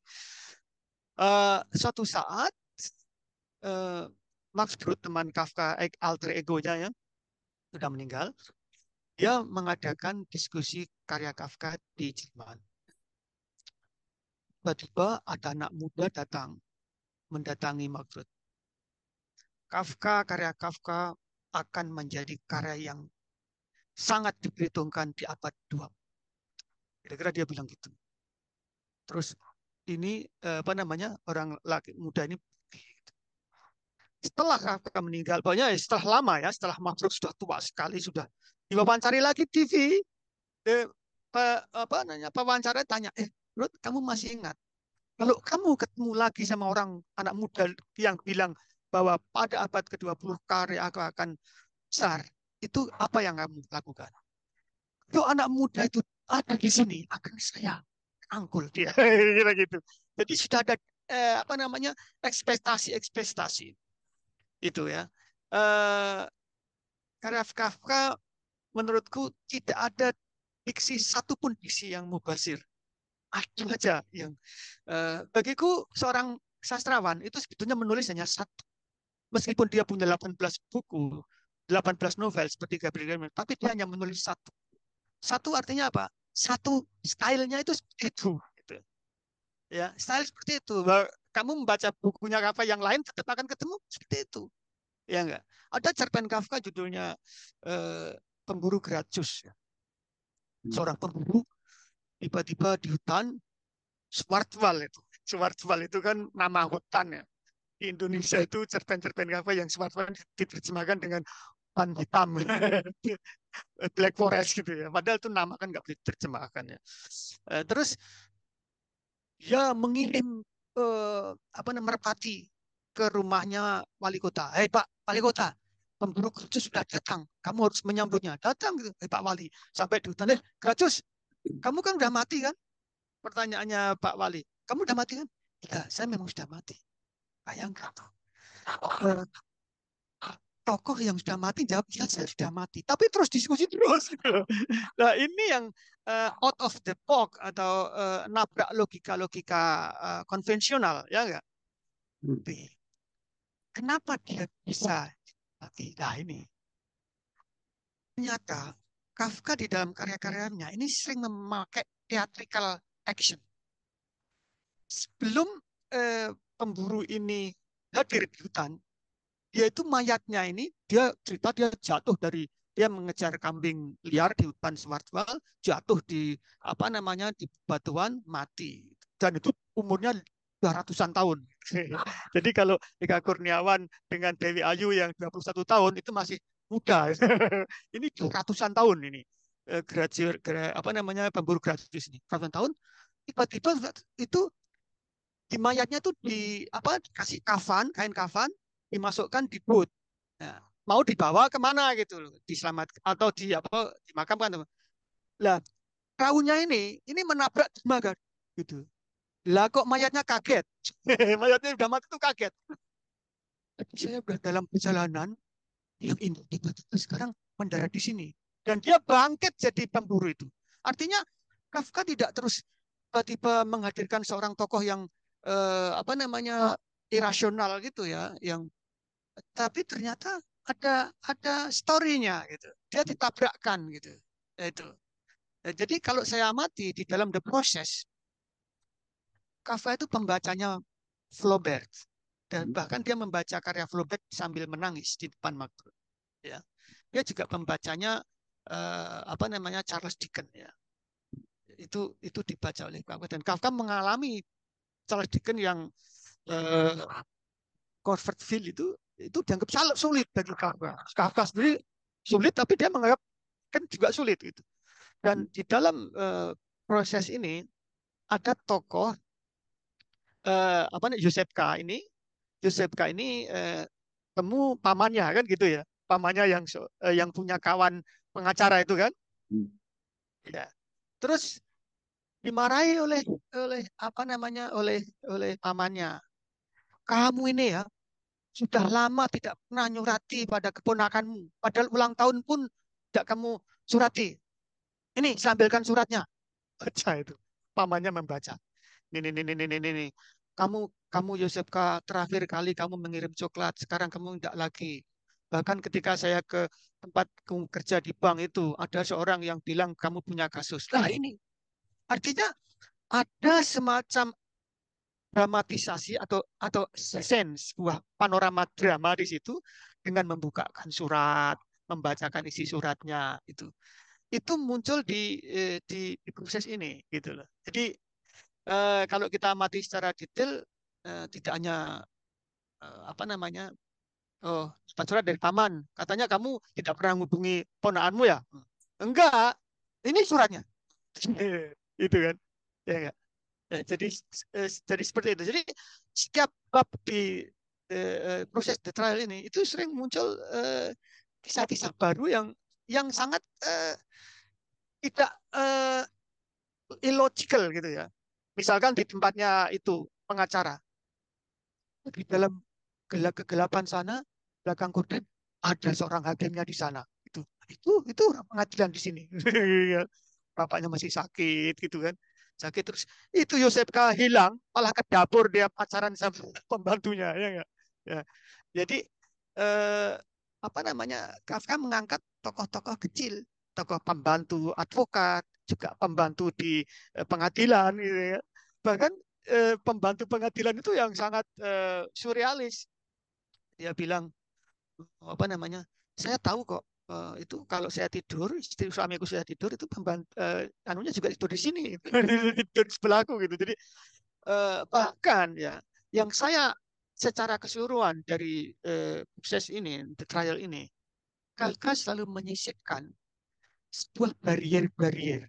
Misalkan ya satu alamatnya pengadilan pun tidak jelas itu di mana dia melewati gedung-gedung flat di mana. Oh, alamannya mana ya? Kok di sini ketemu orang-orang di depan jendela itu. Satu. Kedua, ketika sudah ketemu pengadilannya, dia mau naik di pengadilan itu. Itu ada anak kecil bermain kelereng di, di tangga itu. Dan dia berpikir, lain kali kalau saya ke sini akan saya bawa kelereng kira-kira gitu ya. Kan saya berikan anak-anak ini supaya tidak mengganggu saya. Jadi saya amati di hampir semua karya Kava itu selalu ada barrier-barriernya. Barrier-barrier yang membuat kita ini kecoh bukan akan melihat bagaimana the whole content atau isi utamanya dalam the trial. Jadi eh, saya menikmati barrier-barrier itu loh. Ini kok sap-sap gitu loh, tidak mudah untuk menjangkau pengadilan. Bahkan ketika ditanya, DCP ditanya, terus saya mau uh, nanti ke pengadilan kapan? Ya, kamu kan pekerja bank, ya toh? Bisa aja hari Minggu. Ya. Masa apakah ada pengadilan di seluruh dunia ini hari Minggu boleh datang gitu? Karena kalau hari misalkan di luar weekend itu kan mengganggu kerjaanmu. Tapi ada toleransi-toleransi seperti itu, tetapi kerumitan-kerumitan itu uh, justru di tikungan-tikungan itu. Ternyata di ruang pengadilan si hakimnya itu tidak membawa buku KUHP kira-kira, malah bawa buku porno kira-kira gitu. Ada buku yang yang agak anu ya pornografi gitu. Jadi uh, selalu melencengkan uh, apa namanya yang di luar uh, alur konvensional. Ini yang tikungan-tikungan tajam Kafka ini yang menurutku menjadi kekuatannya. Bukan misalkan the trailer, oh berarti ini gimana ya uh, ceritanya? Apakah uh, uh, campur adu atau uh, kacau sistem peradilan di Praha zaman itu? Ya, tetapi uh, saya menikmati barrier-barrier kecil itu yang anak kecil main di tangga-tangga itu. Ah ini, itu kira gitu. Uh, saya setuju tadi saya nanggepin yang pertama dulu Kang yang soal bahwa penulis itu sebenarnya cuma menulis satu buku ya karena itu memang uh, dirinya dia di situ kan dan saya melihat bahwa memang Kafka ini total menulisnya itu untuk dirinya sendiri jadi dirinya itu hadir di mana-mana dan semua yang kita baca itu adalah tendensi dia gitu loh jadi saya setelah yeah. setelah mulai sering ngobrolin buku itu saya makin makin menyadari banyak hal. Yang pertama menyadari proses saya membaca, proses saya menikmati, proses juga saya berinteraksi dengan karya, dan karya itu adalah kepanjangan tangan atau kepanjangan mulut dari uh, sosok penulisnya kan. Jadi lama-lama saya merasa bahwa uh, membaca buku itu sebenarnya kita sedang diceritain sama uh, penulisnya dan walaupun terdengar agak klise gitu ya, ya memang benar kan, tapi tapi yang yang saya maksud bilang, yang saya maksud di sini adalah ke sosok penulisnya itu hadir di ceritanya itu dan kita mengapresiasinya itu tidak bisa melepaskan dari sosok si penulis itu. Dan saya bahkan sosoknya itu bukan cuma ke informasi kapan dia lahir, siapa pacarnya, bukan itu. Orang ini tendensinya seperti apa gitu loh. Ada orang yang tendensinya melihat sesuatu yang sangat detail seperti ini, yang menyebabkan jadi kadang-kadang saya berandai-andai ini orangnya kayak apa. Nah, ketika membaca The Trial ini, saya tuh membayangkan Kafka ini seperti teman ngobrol yang nggak bisa menangkap QQ teman ngobrolnya. Jadi nggak bisa menangkap petunjuk-petunjuk reaksi dari teman ngomongnya. Jadi dia ngomong terus tanpa tahu bahwa omongan saya ini make sense atau enggak sama teman yang saya ajak omong ini. Dan saya ketemu orang seperti ini banyak di dunia IT. Orang IT itu kalau udah suruh ngomong, oke okay, bagaimana caranya uh, supaya prosesnya lebih cepat satu detik, dia akan ngomong tiga halaman kali ya. Oh ya begini begini. Tanpa mengetahui bahwa yang diajak omong ini tertarik atau enggak, atau mengikuti atau enggak, gitu kan? Jadi tanpa menyebutkan ini baik atau buruk, orang bisa bisa bereaksi sendiri bahwa kamu senang nggak ngomong sama orang kayak gitu? Kalau saya secara pribadi saya nggak senang ngomong sama orang kayak gitu, karena uh, oke okay, nggak usah langsung ke situnya, tapi ke karya ini. Karya ini uh, ceritanya tentang seorang yang suatu hari mendapatkan atau hari di apa dituduh ya uh, mendapatkan panggilan pengadilan bahwa dia kena kasus lah gitu, tapi tidak ada sampai akhir kasusnya itu apa, ya kan? Nah uh, jadi berkil ber, berkelok-kelok mulai dari kena tuduhan tanpa penjelasan sampai eksekusi ya nah di di tengah-tengahnya itu diisi dengan yang Mas uh, Sigit bilang tadi barrier-barrier barrier. Saya bilangnya uh, beda, Kang. Ada satu hal yang saya amati, Kang. Semua cewek yang ada di yang ada di cerita ini tiba-tiba jatuh cinta begitu saja ketemu si K. Ada yang langsung ngajak cium, ada yang langsung ngajak lari, ada yang misalnya yang sama student itu ya udahlah saya tolong selamatkan saya dari si student itu si mahasiswa itu. Ada lagi si Lenny yang tiba-tiba mau aja pacaran sama Lenny, ya. Hmm. terus di akhir ada sedikit penjelasan bahwa eh, bosnya Lenny kan bilang Lenny itu pokoknya semua orang yang tertuduh dianggap menarik banget buat dia. Tapi ya eh, saya kemarin ngebahas buku Senja di Jakarta kan eh, karya Muhtar Lubis itu. Ada tokoh yang namanya Suryono Suryono ini suka main perempuan juga tapi eh, di buku itu ada penjelasan kenapa dia bisa main perempuan. Yang pertama dia kaya, yang kedua dia ganteng. Jadi semua cewek yang dia yang ketemu dia tuh gampang untuk dia gaet atau dia uh, rayu. Si Joseph kayak ini saya duga karena clue-clue kecil tadi, oh semua cewek kok uh, tertarik sama dia. Oh, dia pasti ganteng. Tapi Kafka menolak untuk memberikan sedikit pun Eh, justifikasi pada apa yang terjadi. Ya sudah, yang terjadi begini, terima, gitu kan. Terus di belakang ketika dia ketemu anak-anak menjelang ke eh, rumahnya si Tortorelli itu, bahkan ketika di rumahnya si Tortorelli itu kan, anak-anak itu kan bilang, wah kamu mau melukis dia ya, jangan dilukis dong, dia jelek banget, gitu kan. Nah, di situ baru ketahuan uh, clue-nya. Oh, ini uh, semacam komedi komedi situasi gitu. Nah, tapi itu itu clue-clue kecil yang saya tangkap yang Mas Sigit bilang eh, halangan-halangan uh, itu. Nah, saya terus terang saya harus selesaikan baca buku ini bukan karena apa-apa. Saya merasa kalau sudah selesai, saya punya hak untuk ber, beropini. Kalau kamu cuma berhenti di tengah jalan, habis itu kamu bilang jelek, ya ya bilang jelek aja. Tapi kamu nggak bisa bilang di mana kamu nggak suka gitu. Nggak bertanggung jawab kita melakukan kritik atau apa kalau kita sendiri belum baca. Itu itu pendapat pribadi saya.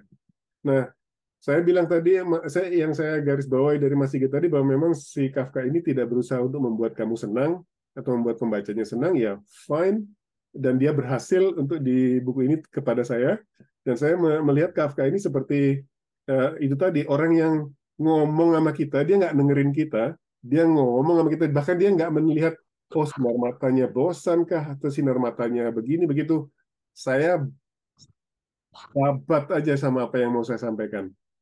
Nah, yang mengganggu buat saya terutama dari kisah ini adalah ini mau dilihat seperti apa, gitu kan? Oke, simbol-simbol, oke, birokrasi, oke apa-apa. Tapi penjelasannya itu sangat mengganggu dan dia itu seperti orang yang salah fokus kalau menurut saya. Kalau misalnya yang tadi Mas Sigit sudah bilang nggak ada alamat, nggak ada apa-apa. Bahkan lebih lebih ekstrem lagi, di awal itu kayaknya dia dipanggil sama supervisor atau apa, itu di apartemen orang, jadi bukan di kantor polisi atau di kantor pengadilan. Itu aja udah kerasa ini absurd ya. Kenapa kok tiba-tiba uh, ditangkap sama orang, habis itu tahu-tahu dia dipanggil sama kepala polisinya, tapi itu di, tetap masih di apartemennya dia dan ruangannya si cewek siapa itu? Si Fräulein Bursner. Bursner. Bursner gitu kan? Itu satu kamarnya.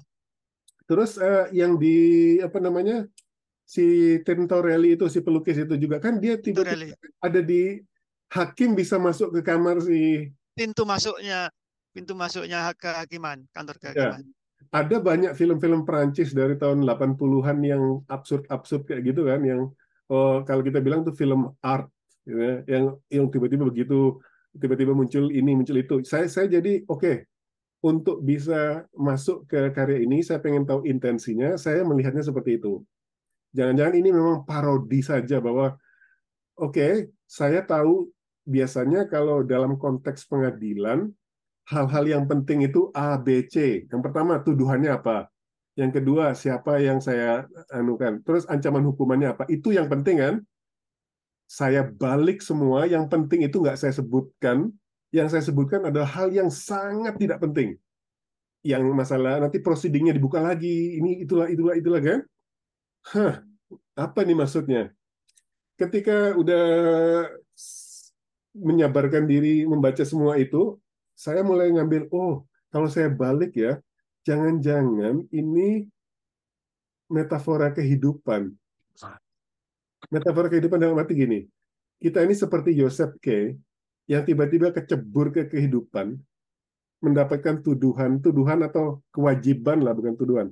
Kamu harus hidup sampai waktunya kamu mati. Kamu nggak memilih kan untuk hidup ini. Nah, terus kamu masuk, bagaimana caranya saya hidup? Saya harus melewati uh, pendidikan, saya harus uh, mendapatkan penghasilan, begini, begitu, begini, begitu. Yang sebenarnya kalau dipikir-pikir, itu kan nggak ada maknanya. Sama seperti segala proceedingnya si K itu. Kita tuh nggak ada kita tuh nggak tahu kenapa kita ada di sini, tetapi kita harus melakukan semua itu karena semua orang melakukan semua itu. Jadi itu yang saya lihat dari, oh berhasil nih si Kafka membuat parodi kehidupan dari, jadi betapa nggak bermaknanya kehidupan itu. Kamu seperti si K ini, kamu harus harus ketemu sana sini sana sini, dan setiap orang itu punya terjemahan. Oh mungkin sistem pengadilannya seperti ini. Oh, mungkin kalau kamu kenal si ini, kamu bisa ini, gitu kan? Itu kan mirip juga sama kehidupan. Yeah. Nah, yeah. ketika ngomong sama si Tintorelli itu saya yang paling ngerasa uh, analogi membaca ini kena banget. Karena Tintorelli ini saya bilang misalnya seperti orang pemimpin spiritual gitu ya yang ngasih, oh kehidupan ini seperti ini. Saya punya akses sama mungkin kita bilang Tuhannya. Karena saya sudah melukis dia, saya jadi mungkin bisa punya ini punya itu. Jadi itu cara saya survive untuk mengarungi dunia absurd ini, Mas. Nanti kita lanjutin. Ada ada tanggapan? Ya. Jadi gini, uh, di pasca Hitler di Jerman hmm. itu berdiri komunitas sastra di Jerman namanya Gruppe Spunvirji atau kelompok 47. Jadi ya mungkin 47 itu dari 1947 lah ya setelah uh, dunia Perang Dunia Kedua 45 CCM 47. Jadi ada grup 47. Salah satu yang dibahas itu waktu itu bukunya Hemingway pun tidak boleh masuk ya. Jadi buku disortir. Ada salah satu sesi diskusi tentang karyanya Kafka. Nah, terus yang dibahas itu novel dari uh, Milador dari uh, sastrawan Ceko, eh, sastrawan apa uh, Yugoslavia, Serbia yang eksil di di Jerman judulnya Salto Mortale. Jadi seorang tokoh protagonis itu kepala uh, media. Tiba-tiba bangun pagi datang ke kantor nggak ada yang nyapa. Kok semua nggak tahu kalau saya sudah datang. Jadi dia dianggap bahwa ini menduplikat gaya-gaya Kafka. Karena memang pada tahun 1950 itu ada Kafka model. Jadi di Jerman itu sastrawan-sastrawan banyak yang mencoba gaya Kafka. Kafka model itu tahun 1950 di Jerman. Bahkan Gunter Grass pun dalam sebuah kumpulan isi bilang bahwa Kafka adalah guru saya. Gitu ya. Kira-kira seperti itu. Lah, di diskusi Kafka di situ, di grup 47 itu, ada seorang yang bilang, kalau membaca karya Kafka, lebih baik baca biografinya Kafka. Gitu. Jadi langsung baca biografinya Kafka sendiri. Ya gitu. Hmm. Kemudian salah satu pacar Kafka yang namanya Milena Cisenka, dia menggambarkan, ditanya oleh Mabrut, seperti apa sebenarnya Kafka dari versimu yang sudah surat-suratan ya, bahkan suratnya di, dikasihkan. Milena adalah penerjemah karya Kafka dalam bahasa Ceko. Dia bilang, Kafka itu menganggap dirinya sendiri yang paling benar. Dan orang lain semua salah. Di dunia ini banyak setan-setan tidak kelihatan yang akan melipas manusia. Dan Kafka menganggap dirinya paling benar sendiri. itu. Jadi ya memang ya itu sendiri itu. Sebentar Kang, yang itu tadi yang merasa dia paling benar sendiri itu cocok banget sama yeah. bayangan saya tentang orang yang nggak mau dengerin orang lain kalau ngomong. Karena itu, yeah. itu salah satu gejala-gejalanya. Oke, yang yang saya omong ini ya berharga seperti apa adanya. Saya nggak perlu ngikutin kamu. Saya Tetapi perlu diingat, ya betul. Itu kan konklusinya kan seperti itu ya. Dia dia kalau Milena ini kan dekatnya dianggap dia Kafka ini menganggap dirinya paling benar, yang lain salah semua. Gitu. Hmm. Tapi itu kan dalam wujud karya. Sedangkan dalam pribadi Kafka, aku beri contoh, ketika dia menghadiri sebuah uh, launching buku, ya, bukunya itu yang dibicarakan itu langweilig atau artinya apa ya artinya membosankan gitu ya satu persatu orangnya tuh keluar dari tempat itu. Itu tahu keluar itu sastrawannya bilang sebentar ya saya masih ada cerita yang belum saya ceritakan. Masih 15 menit lagi ya bisa minum dulu ya. Satu persatu pergi. Kafka tidak pergi. Kafka sengaja ingin menunggu. Ya tujuan Kafka satu. Saya ingin belajar dari dia bagaimana caranya membaca karya dan orang-orang mendengarkan. Jadi dia jadi jadi artinya kontradiksi dengan uh, apa namanya karyanya. Karyanya dia menganggap bahwa maunya dia sendiri saja yang lain salah. Tetapi dalam pribadi Kafka ya hmm. itu sangat low profil dia sangat low profil ya mungkin, itu. mungkin, mungkin tadi agak kurang tepat ya kan kalau kita bilang dia sengaja uh, itu juga interpretasinya si Milena mungkin ya oh dia nggak mau dengerin hmm. orang lain. Tapi saya juga merasa bahwa ada ada ada beberapa orang yang nggak bisa, nggak punya kemampuan itu. Jadi kesannya dia ngomong apa adanya itu seperti memaksakan, tapi sebenarnya dia nggak punya cara lain. Dia nggak punya sensitivitas untuk empati sama pembacanya atau empati sama apa gitu ya. Itu itu juga skill. Jadi sebenarnya bisa jadi itu bukan sesuatu yang agresif, bukan sesuatu yang aktif, tapi ya memang dia apa egois. enggak dia memang apa e egosentrik e egosentrik ya. Atau lebih karena dia nggak punya kemampuan itu. Dia memang uh, mungkin jarang bergaul atau apalah. Tapi nggak usah sejauh itu kita ngomong ya. Uh, yang saya ingin balik lagi ke sosok si Kafka tadi. Makanya saya bilang tadi uh, Kang dua hal yang mendobrak dunia yang membuat dia terkenal itu kan di metamorfosa itu kan. Jadi orang udah tahu stylenya ini beda banget. Beda itu nggak nggak harus selalu bagus, tetapi beda itu punya efek yang membuat dia jadi terkenal dan itu pertama gitu. Dan semua orang banyak misalnya eh, buku-buku selanjutnya, penulis-penulis selanjutnya akan berusaha meniru dia. Itu menurut saya pencapaian Kafka yang bagus dan di di Metamorfosa menurut saya itu well deserved. Memang layak dia untuk mendapatkan posisi itu. Nah, terus pertanyaan saya selanjutnya adalah yang namanya faktor reputasi. Ketika kamu sudah terkenal, ya kan, apa pun yang kamu keluarin, orang akan termehek-mehek dulu. Oh yang udah udah gandrung banget, tanpa akan termehek-mehek menerima tanpa ber, berbicara lebih kritis gitu loh. Uh, saya saya ngomongin ini dari salah satu cerita-cerita kecilnya itu kan mungkin bisa kita obrolin sedikit ya. Judulnya Unhappiness atau Being Unhappy. Ingat nggak kan? Yang dia ketemu dia ketemu setan anak kecil, ghost. Hmm. Ingat nggak kan? Belum, jadi, belum ingat aku. Enak. Jadi pendek gitu aja, judulnya Being Unhappy. Habis itu dia ngeliat uh, ngomong ketemu sama anak kecil, tuh dia ngomong sama setan anak kecil itu. Habis itu dia cerita sama temannya, tadi saya ngelihat setan, Habis itu dia bilang, hmm. kamu kok ngomong habis ngelihat setan seperti ngelihat seperti ngomongin kalau di supmu itu ada rambut, gitu kan? Kok kamu ngomongnya seremeh itu, gitu loh. Padahal kamu kan ngelihat setan nih, ya kan? Lagi-lagi hmm. seperti Kafka, sesuatu yang harusnya ditegaskan, diturunkan nama dia, sesuatu yang nggak penting dinaikkan nama dia. Dia berusaha kontradiktif terus kan? Nah, di, di cerita kecil itu bunyinya gitu saya nggak ada poinnya, nggak ada ceritanya kenapa judulnya Being Unhappy, tetapi cerita pendek itu bilangnya, oh dia ketemu setan, dia ngomong sama setan, tuh dia cerita sama temennya tentang setan itu, terus temennya bereaksi respon seperti itu. That's it, gitu kan? Nah, kalau misalnya cerita tadi itu di, dikirim atau dipublikasikan oleh orang yang namanya Irwan misalnya, orang akan bilang, apaan sih lo? Kamu ngomong apa sih ini? Gitu kan? Tapi karena dia diterbitkan oleh seorang Kafka, makanya orang akan daki-daki, oh ini artinya ini artinya itu. Tapi begini, sebentar, sebentar. Jadi Kafka itu terkenal setelah meninggal. Ya. Hmm. Saat Kafka masih hidup, itu kan dia meninggal 1924 ya. Meninggalnya dia itu sama dengan meninggalnya Lenin, kira-kira. Hmm. Jadi ketika Kafka masih hidup, itu ada tiga karya itu tadi, The Judgment, The Stalker, the, itu the the meditation dan metamorphosis itu yang beredar. Hmm. Dan itu bukan mendap bukan mendapat pujian.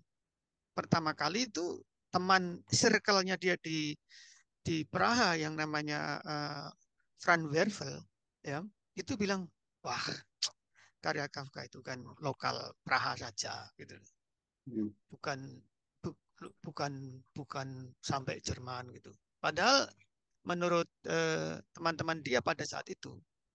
Kalau jadi sastrawan di lokal-lokal negara-negara kecil itu nggak bisa hidup, harus go publiknya ke Jerman. Gitu.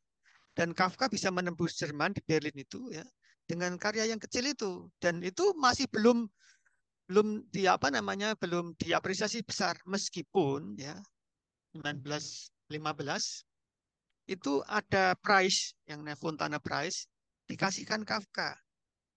Karena tapi itu politis, artinya Fontana Prize untuk Kafka itu bukan uh, memang karya Kafka dianggap baik, tetapi maksudnya yang panitianya Fontana Prize itu panitianya itu penerbitnya Kafka sendiri itu.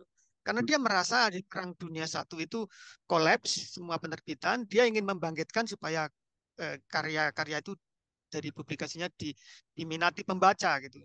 Itu itu di, memang dapat Fontana, tapi uangnya itu 350 DM kalau nggak salah. Itu eh, apa namanya tidak diberikan Kafka, diberikan orang lain, tapi orang lain tuh suruh ngasihkan Kafka uangnya gitu loh. Orang hmm. lain itu eh, Stern Sternheim kalau nggak salah itu. Jadi itu itu juga teman pertemanan gitu. Kafka jengkelnya di situ. Eh, hmm. Artinya Kafka tidak menikmati popularitas dia saat dia masih hidup. Hmm. Itu ya. Jadi ya. jadi bukan terus diklaim oh ini karena Kafka itu bukan tapi setelah Kafka meninggal tahun 2019-24 itu itu baru tapi kan kita, kita ngomongin dua hal yang berbeda nih kan reputasi hmm. secara hmm. reputasi sendiri atau reputasi yang benar-benar yeah. dinikmati Kafka setelah hidup ya semasa yeah, hidup yeah. itu saya saya oke okay, bahwa dia nggak menikmati itu tetapi hmm. Kafka setelah menjadi sebuah institusi gitu kan kayaknya hmm. Kafka kalau nulis buku telepon dia orang akan melihat oh nomor ini artinya ini itu kan. Karena dia udah Kafka ya. sudah institusi gitu loh. Jadi saya hmm. merasa ada cerita-cerita yang di kumpulan situ tuh yang bilang ini kalau bukan siapa-siapa yang nulis orang akan nanya dulu ngomong ya. apa ya ini? Gitu kan. Setuju nggak kan? Iya pasti. Ya eh, sekarang ya setuju. Karena memang Kafka sudah punya nama kan gitu kan. Hmm. tapi masalah itu gini loh masalah misalkan kenapa kalau saya tulis Mas Irwan mungkin nggak ada yang nengok. Itu kasus-kasus itu pernah terjadi Doris Lessing, ya, peraih Nobel sastra yang di Inggris itu, sebelum dia dapat Nobel, manuskrip dia dia coba kirim ke penerbit-penerbit lain tanpa pakai nama dia, pakai pseudonym, dan ditolain gitu loh. Jadi memang eh, apa namanya eh, memang nama itu penting. Memang kenyataan itu seperti ya. itu bahwa ketika kita sudah ya, sampai ke, ya. ke, ke terkenal ya. itu, ketokohan itu uh, ke Eh, penggemar makin banyak dan penggemar yang sebenarnya nggak benar-benar tahu tetapi bilang bahwa hmm. dengan mendefinisikan diri sebagai penggemar Kafka dia merasa dapat cap sendiri gitu kan efek seperti itu pasti ada lah kan uh, hmm. terus ya. yang saya ya tertarik waktu kita ngobrol nyiapin ini eh, sampai nyebutin the judgment itu kayak babonnya gitu gimana kan maksudnya ada tiga jadi itu memang the judgment sama itu the stalker itu memang dua prosa Kafka yang sangat uh, pertama kali ya yang di, diterbitkan dan dianggap bagus gitu ya dan dapat Fontana Prize itu. The hmm. Judgment itu lagi-lagi itu ada tokoh yang namanya Frida ya. Frida itu kan yang Frida itu kan juga FB juga pakai ya Frida siapa oh. nama yang yang kedua itu ya itu FB juga itu jadi seperti Felix Bauer apalagi di depannya udah FB untuk FB gitu jadi kalau di The Judgment itu hmm, Kafka di situ kan eh, apa namanya mengkritik bapaknya sebetulnya. Dia kan dia karena memang dalam saat pacaran dengan Felix Bauer tidak berhasil dan apa dan dan bapaknya itu eh, padahal dia tahu bahwa namanya eh, eh, namanya Georg Georg Badenman itu adalah seorang pengusaha muda yang ada di Saint Petersburg. Itu bapaknya udah tahu tapi pura-pura atau diam aja setelah diskusi lama, kamu ngapain kamu ngurusi surat itu? Surat itu eh, eh, tokoh Bederman ini mau nulis surat untuk temannya di di Sang Petersburg kan. Surat itu belum diposkan ini baru konsultasi. Kamu ngapain kamu datang ke sini minta advice saya supaya tentang temanmu ini. Temanmu tuh saya nggak tahu. Kenal kamu Pak, kamu kan pernah diskusi ini ini ini, ini gitu kira-kira. Oh iya, memang dia orang yang saya sukai dulu lah kira-kira gitu nah, suratnya tuh nggak jadi dikirim itu jadi dia sudah nulis surat gitu jadi uh, di situ uh, apa namanya cerita tentang dirinya. Georg uh, Bandenman ini mau pacaran dengan cewek ini yang Frida ini gitu. Lah tokoh Frida ini muncul lagi di dalam novel Kastel, Frida muncul lagi gitu. Uh, Max Brod pernah bilang, siapakah Frida? Kan gitu. Frida ini sebetulnya Milena gitu. Jadi, kalau ada ada tokoh di situ yang namanya uh, Fräulein Bursner di dalam novel The Trier itu hmm. FB inisialnya. Tapi kalau Frida ini dianggap Milena menurut Brod ya. Uh, dan Frida itu muncul dua kali di The Judgment satu, di dalam kastil juga satu. Dan Yosef K itu K-nya muncul lagi sebagai tokoh protagonis di kastel itu. Jadi namanya masih sekitar-sekitar itu kayak mungkin Kafka sendiri lah kira-kira gitu. Iya, kurasa uh, itu. Jadi The Judge, Kafka sendiri. Jadi Kafka ini sebetulnya ingin uh, mengadakan otokritik terhadap bapaknya, ya bapaknya bahwa dia dia memakai bapaknya betul, ya, bapaknya tokoh uh, George Bandenman ini saya udah cerita, dia itu saya undang di sini. Saya undang biar dia lihat saya kawin seperti apa. Gitu kan. Tapi kan si si Frida bilang dia nggak mau datang padahal dia bisa belajar dari kita. Terus hmm. eh, jadi seperti itu. Jadi itu itu intinya sebenarnya sangat sederhana. Eh, eh, Georg Penderman mau menulis surat pada Sang Petersburg ya gitu kan eh, yang seorang eh, apa namanya bisnisman muda dan dia memberitahu bahwa saya mau kawin, kamu saya undang ke sini dan sebagainya, ya enggak. Dan dia cerita dia sendiri tidak bisa integrasi dengan masyarakat lokal di sana. Ini membayangkan Kafka sendiri tidak bisa integrasi dan sebagainya. Jadi semua ada refleksi-refleksi seperti itu. Hmm. Uh, uh, bapaknya bilang kamu tertarik karena kamu uh, roknya menyingsing gitu ya. Gitu. Dan jadi itu muncul lagi di dalam surat untuk ayah. Uh, dia bilang bapak bilang kalau kamu mau ngawini si ini lebih baik kamu ke bordil. Ini ditulis sama Kafka di dalam surat untuk ayah itu. Jadi uh, uh, jadi Kafka menggunakan uh, orang-orang di sekitarnya diangkat dalam karyanya. Makanya uh, multi tafsir itu mengakibatkan Kafka menulis testamen bakar aja, jangan sampai diterbitkan ulang atau jangan sampai orang lain baca gitu ya. Tapi uh, seorang kritikus Jerman, uh, Iris namanya, dia bilang, beruntunglah Max Brod menerbitkan sehingga arah sastra dunia berbeda. Eh, kira-kira gitu. Karena testamennya kan suruh bakar. Nah, itu. Tapi Brod mengingkari, kira-kira gitu. Mas. Balik ke balik ke judgment, Kang. Menurut aku judgment itu secara komposisi bagus. Tanpa berusaha mendalami simbol-simbol pemaknaan dengan kehidupan pribadinya menurut saya itu bagus. Karena di situ ada teknik penceritaan yang apa namanya kita diarahin ke situ atau dibalikan ke situ dan adegan eh, penutupnya sangat menohok. Dan itu yang mungkin mungkin cerpen-cerpen banyak yang niru itu pengen tahu tuh dramatis gitu kan. Kadang-kadang agak overacting juga bisa gara-gara itu. Dan uh, sesuatu yang menohok kayak yang dieksekusi kita ini kan beresiko. Kalau berlebihan juga aneh kan. Uh, jadi dia main-main tuh di batasnya di mana yang masih enak. Dan yang judgment ini uh, aku nggak ngerti kenapa judulnya judgment ya. Uh, mungkin lebih tepat judulnya kutukan. Karena itu kan artinya kutukan si bapak ini ya si bapak melakukan hukuman uh, akhirnya. Jadi ceritanya dia mengirim surat ke temannya yang di Saint Petersburg mau mengundang dia ke acara pernikahannya dia kan? Atau sebelumnya dia udah kirim-kirim surat yang menceritakan uh, kehidupannya dia ingin silat menyambung silaturahmi lah. Dia juga me, dia punya punya penilaian sama temannya di situ oh teman saya pasti nggak bahagia di situ. Dia nggak bisa nggak bisa interaksi sama orang lokal bla bla bla dia pasti mengurung diri bla bla bla gitu kan terus dia ketemu bapaknya masuk ke kamar bapaknya ceritain bahwa dia mengirim surat iya bapaknya udah tua tapi badannya masih besar dan sebagainya uh, itu ceritanya tuh detail sekali kita kayaknya bisa berada, merasa berada di dalam ruangan itu kan. Terus bapaknya mulai nanya, memang benar kamu punya teman di situ? Apa itu benar temanmu gitu kan? Nah, akhirnya cerita kan bapak pernah ketemu dia juga dan ngomongnya enak banget. Akhirnya, revolusi revolusi Rusia.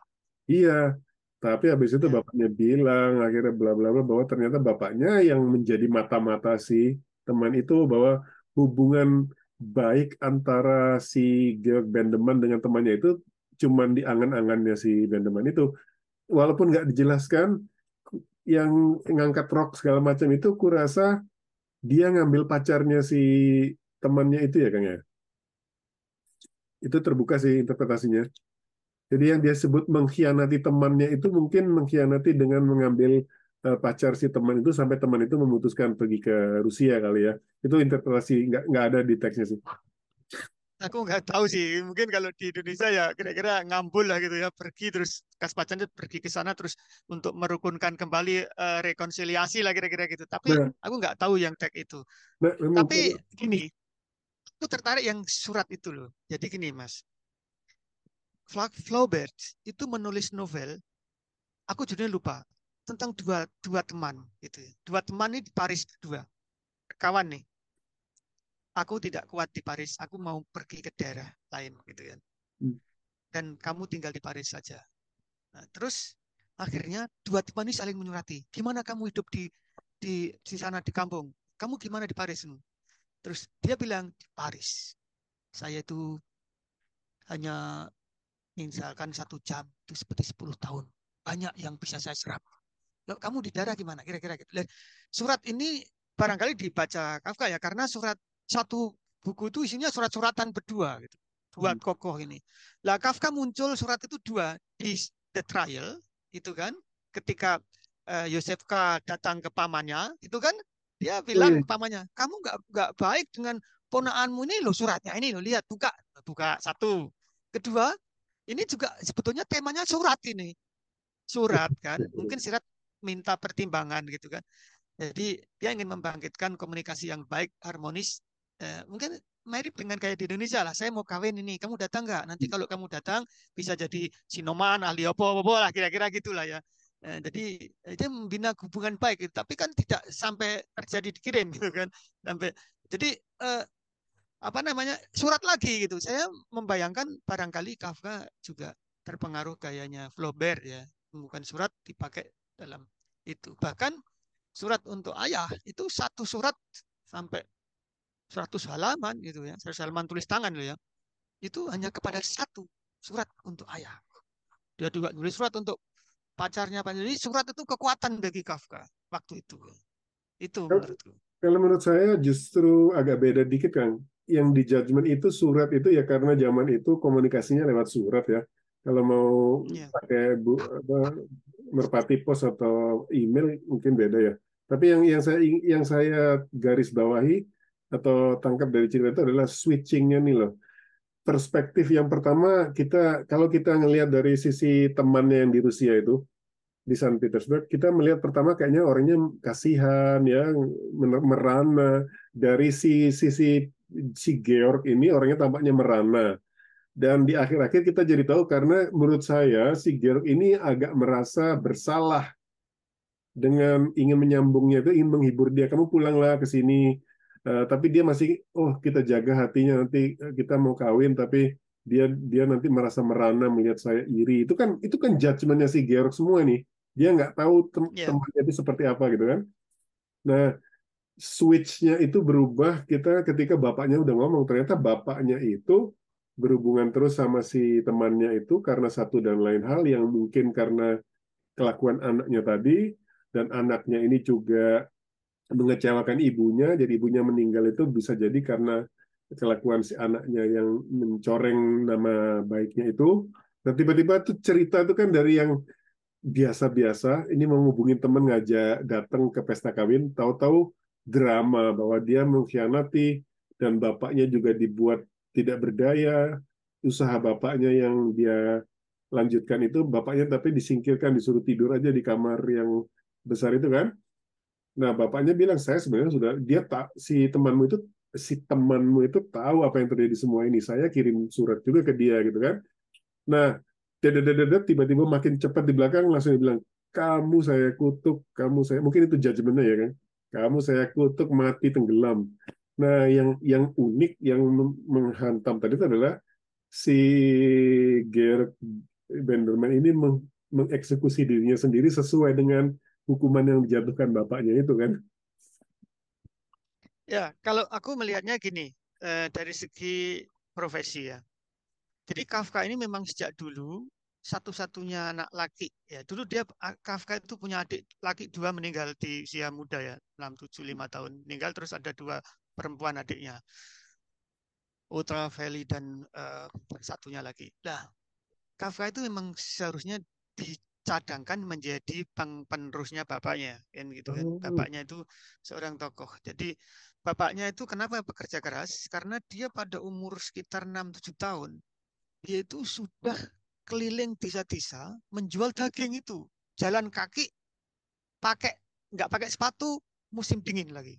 Dia keliling. Jadi dia udah ditempa seperti itu sehingga ketika dia berhasil mendirikan uh, toko di Praha, dia ingin anaknya lagi ingin meneruskan gitu loh. Hmm. Tapi Kafka sejak sejak dulu sudah sudah tidak tidak tertarik dengan dunia bisnis gitu kan.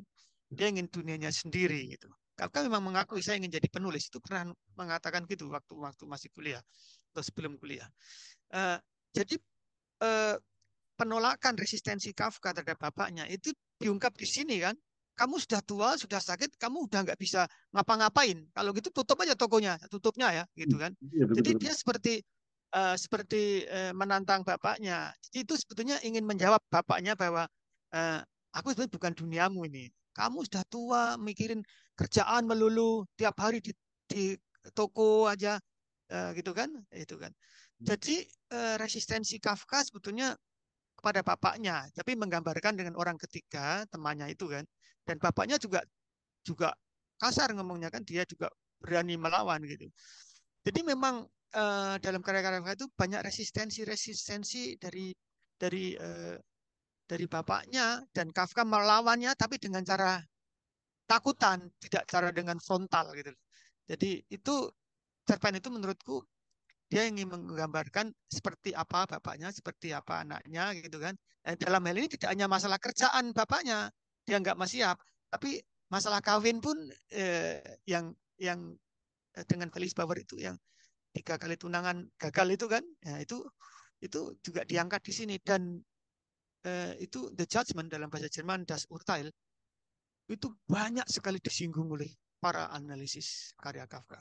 Banyak sekali di dari buku ini, dari dari cerpen ini. Luar biasa. Jadi di luar metamorfosis itu ini. Jadi kalau saya kronologikan nomor satu eh, satu metamorfosis banyak di eh, yang kedua ini the judgment ini.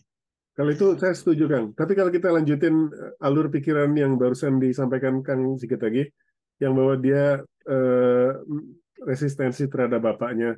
Apakah konklusinya itu mengelambangkan apa yang dia rasakan bahwa akhirnya dia mati sesuai dengan hukuman yang dijatuhkan bapaknya. Akhirnya dia tenggelam. Dia menenggelamkan diri kan. Bapaknya bilang matilah kamu sampai eh, dengan cara tenggelam dan dia akhirnya pergi ke sungai, lari terus menjebluskan diri dan adegan akhirnya tuh kalimat akhirnya tuh dramatis sih menurut saya.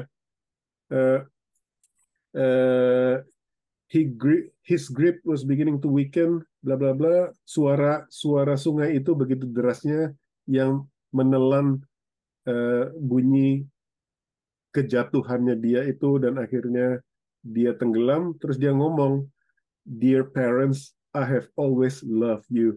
Jadi dia ketika meninggal itu dia yeah. bilang, yeah. "Orang tuaku, aku sebenarnya mencintai kalian atau kamu." Ya, Apakah nah, pertanyaan saya tadi bilang apakah ini konklusinya sesuai dengan hidupnya Kafka juga gitu loh? Jadi gini, uh, di dalam surat untuk ayah ya yang dia tulis, itu dia tidak men menjengkeli ayahnya total 100% enggak. Ya. Dia mengatakan juga tanpa bimbingan ayah, saya mungkin tidak akan jadi orang seperti sekarang ini hmm. yang kerja di bank gitu kan. Eh, di, di dalam Yosef itu yang kerja di di apa di asuransi ya di asuransi gitu. Oh, dia Jadi, kerja di bank juga? Seba bukan bukan. Yang yang Yosefka di bank, tapi dia kerja di asuransi. Okay. Saya kerja di asuransi kan dapat posisi yang bagus ya. Dia jadi uh, kalau nggak salah jadi bagian hukum di tingkat atas. Gitu. Jadi uh, tanpa bimbingan ayah mungkin saya tidak akan seperti ini. Gitu. Tapi sisi lain dia mengkritik ayahnya. Gitu. Jadi seperti ada ambivalensi ya. Jadi sisi satu sisi dia mengkritik ayah, tapi tanpa ayah saya tidak akan seperti ini. Saya membesarkan ayah saya Gitu. Jadi, tapi ketika dia misalkan berenang sama ayahnya, ayahku tubuhnya besar, saya kecil saja yang rapuh. Jadi selalu uh, ada dikonfrontasikan dan dan itu cara Kafka meng mengkritik dan memuji ayahnya dengan cara tidak frontal gitu loh. Hmm. Uh, jadi di, kalau aku membayangkan ada bukunya Gus Dur, dia Gus Dur pernah cerita kalau saya ada konflik dengan istri, itu saya tulis dalam buku gitu. Buku tak tulis saya tidak senang gini-gini. Buku ditaruh di bawah bantal. Besoknya dijawab oleh istrinya, sebetulnya jawab lagi, oh dia dijawabnya gini. Jadi tidak kita menghindari uh, direct frontal itu direct frontal itu dihindari dan Kafka kayaknya uh, apa namanya seperti itu ya. ya tapi Halo. dalam the judgment lagi itu dua poin yang saya tangkap. Pertama adalah uh, tentang uh, apa namanya kerapuan dia dalam bercinta mempunyai pacar itu yang mau kawin itu karena sudah berlobung. Yang kedua tentang dia disuruh untuk uh, apa namanya meneruskan bisnisnya dia dia nggak mau itu. Itu poinnya di situ saya pikir yang saya tangkap. Iya, oh, saya jadi ngerti sekarang kenapa detail bahwa bapaknya itu seperti giant itu penting di The Judgment ternyata itu ya. Dan mungkin hmm. uh, Kafka ini kalau dari uh, fotonya dan sebagainya, saya kayaknya orangnya rapuh, sakit-sakitan, walaupun masih muda. Mungkin dia merasa bapaknya bapaknya lebih laki dari dia dengan besarnya tubuh dengan ada bekas luka juga kan berarti bapaknya ini kan bekerja atau melakukan sesuatu yang fisik sementara dia ringkih eh, bla bla bla gitu kan yang mungkin tidak terlalu maskulin in a way dan itu muncullah uh, nah oke okay, okay, ini ini kayaknya gajah di dalam ruangannya di elephant in the room itu adalah soal kemuraman kan saya tuh ngerasa ya mungkin bahwa dia ringkih dan sakit-sakitannya itu itu ada hubungannya dengan segala kemuraman yang ditampilkan ke buku-bukunya itu. Jadi kadang-kadang kita mungkin berempati lah sama dia. Dia bagaimana dia mau berusaha menyenangkan kita, dia sendiri nggak senang gitu loh. Kira-kira menurut eh, Kang Sigit itu adil nggak ber seperti itu? Uh, jadi bacaan Kafka itu Kierkegaard, Kierkegaard dari Denmark itu kan. Oh, Kierkegaard itu kan juga depressing juga. Karena aku juga aku aku hampir baca yeah. Kierkegaard itu gara-gara Kafka sebenarnya. Aku udah punya tuh. Iya. Yeah. diarinya dia. Iya. Yeah. Hmm. Ya, itu itu dia termasuk bacaan Kafka itu terus uh, Kleist uh, Kleist itu dari penyair dari Jerman, terus Flaubert, jadi terus uh, Charles Dickens itu ya. Jadi um, beberapa juga novel Kafka direkomendasikan aku aku akhirnya beli ya. Yang judulnya dari sastrawan uh, sastrawan Rusia. Tashkent judulnya ibu kota di Uzbekistan.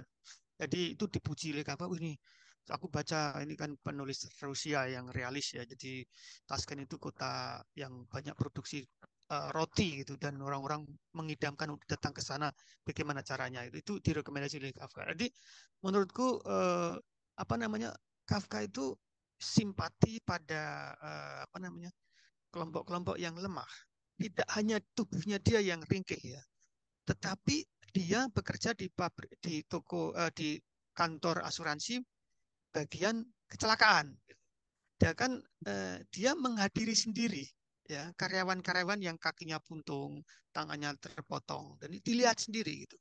Dan dia lihat sendiri terus dia memproses itu bahkan kongres di Wina, kongres tentang asuransi, dia mengajukan proposal-proposal bagaimana membantu karyawan itu eh, karena karyawan itu tidak seperti zaman sekarang. Ada advokasi tim dulu nggak ada.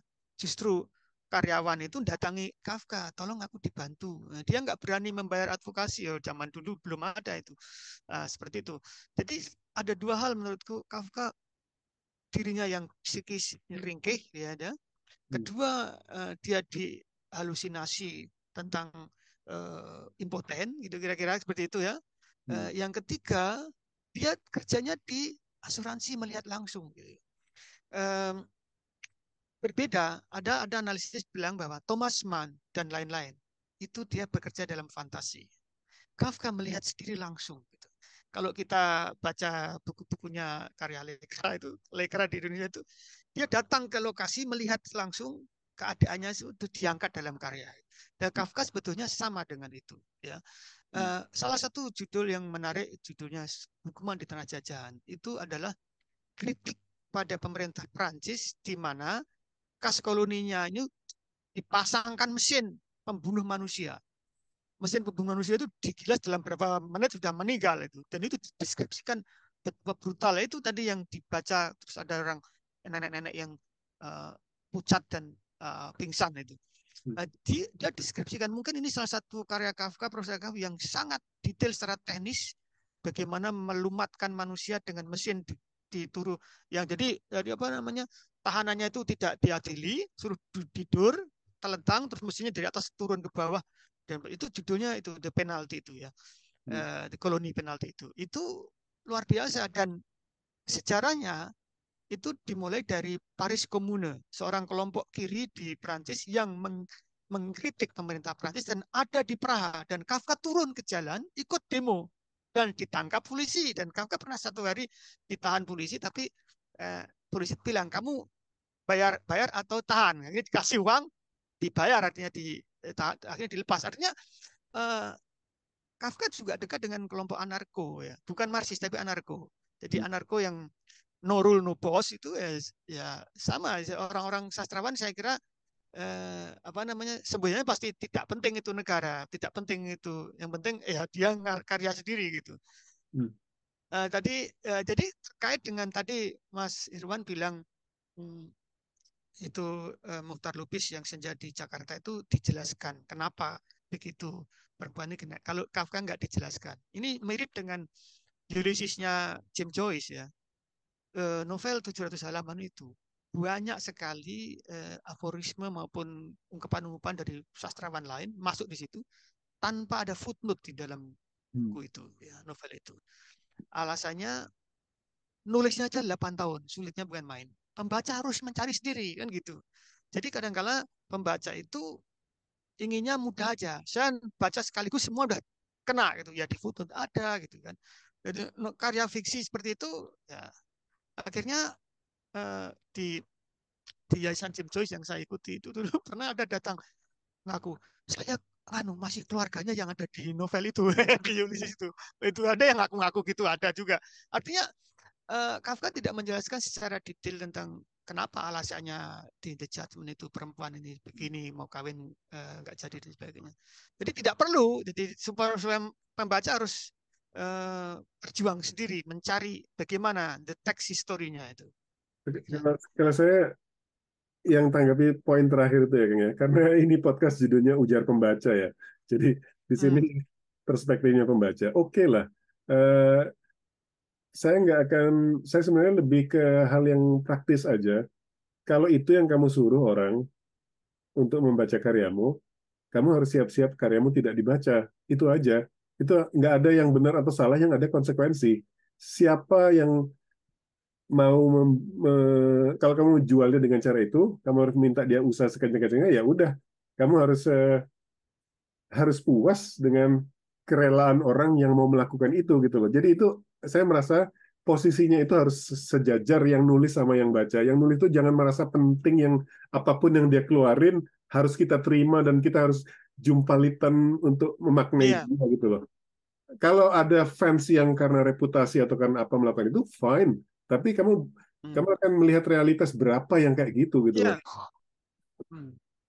Tapi oke okay, kan? Ya tentu saja, ya tentu saja pembaca itu mempunyai eh, apa namanya hak untuk memberi justifikasi atas pandangan dia ya.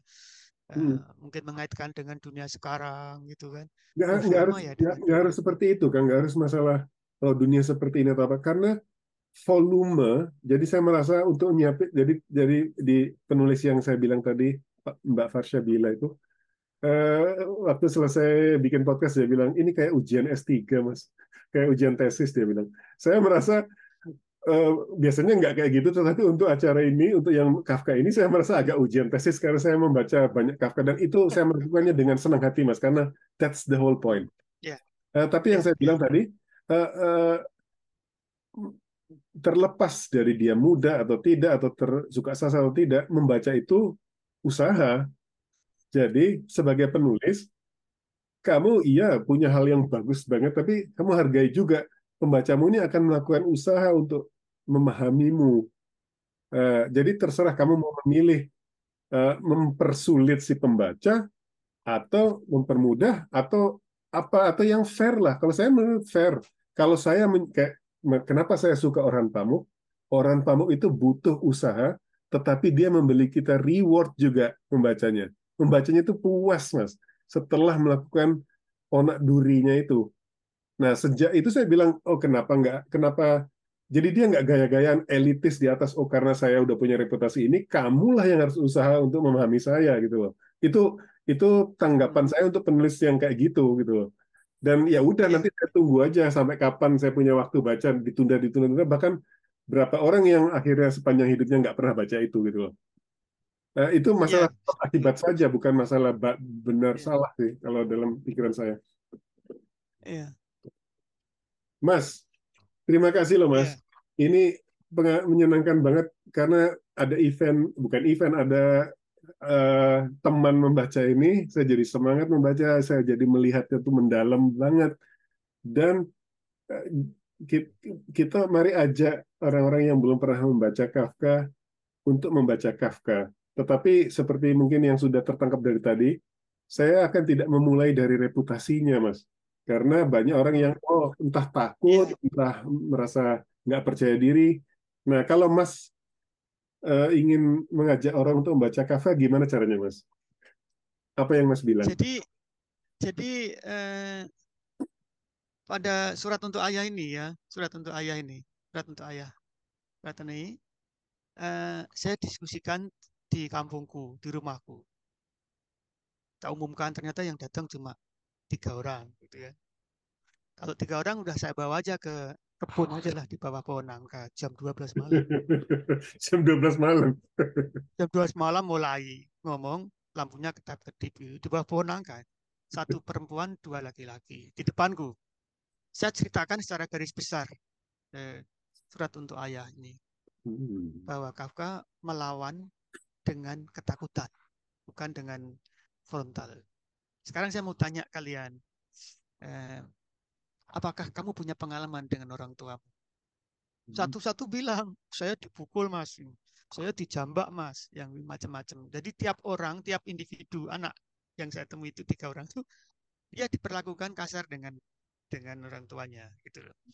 Tapi nggak berani diungkap tentu saja. Aku bilang tulis saja, tapi secara halus dan sebagainya. Jadi coba-cobalah gitu. Satu itu.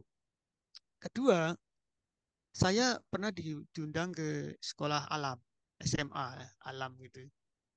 Ya, dulu di bawah pohon tempatnya. Tapi sekarang di bawah sekarang di bekas kandang kandang apa ayam gitu. kandang ayam dari Batako itu ada jeruji-jeruji keliling itu Mas kamu tiga jam cerita tentang uh, sastra. Aku sastra apa ya? Oke lah aku ceritakan tentang metamorfosis ini yang saya terjemahkan sendiri. Saya terjemahkan saya saya saya secara secara oral. Saya lisan, saya ceritakan Rekor Sasa bangun pagi dari mimpi buruknya dan tiba-tiba berubah menjadi kecewa rasa diranjang. Bapak-bapak sampai akhir. ya Sudah tahu semua? Sekarang kalian semua, mungkin sudah sembilan siswa ya, SMA. Di bawah meja semua. Aku suruh bawah meja. Dan kenapa aku suruh bawah meja? Karena Gregor Samsa ini favorit tempatnya itu di bawah sofa. Dengan di bawah sofa, dia bisa mengamati lingkungan, eh, orang lewat dan sebagainya dengan aman. Tubuhnya masih terjaga, aman dan bisa mengamati. Coba Anda kalian di bawah meja semua dan kamu bayangkan kamu menjadi binatang, entah apa pun. Setelah itu kamu berdiri lagi, ceritakan apa yang kamu fantasikan. Setelah selesai, berdiri dia, duduk, tanya satu-satu. Gimana kamu? Lesan, dia lesan.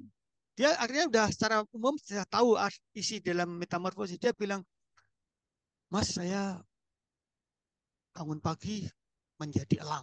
Waduh, terus bla bla bla bla. Terus oke okay, kamu saya jadi semut mas. Ada semut jadi untur-untur macam-macam ya. Anak SMA di kampung kan. Ada yang jadi uh, ular. Saya jadi ular mas. Tapi setelah sampai ayah saya datang, saya diajak ke dukun. Nah, ini, ini versi versi takhayulnya yang real.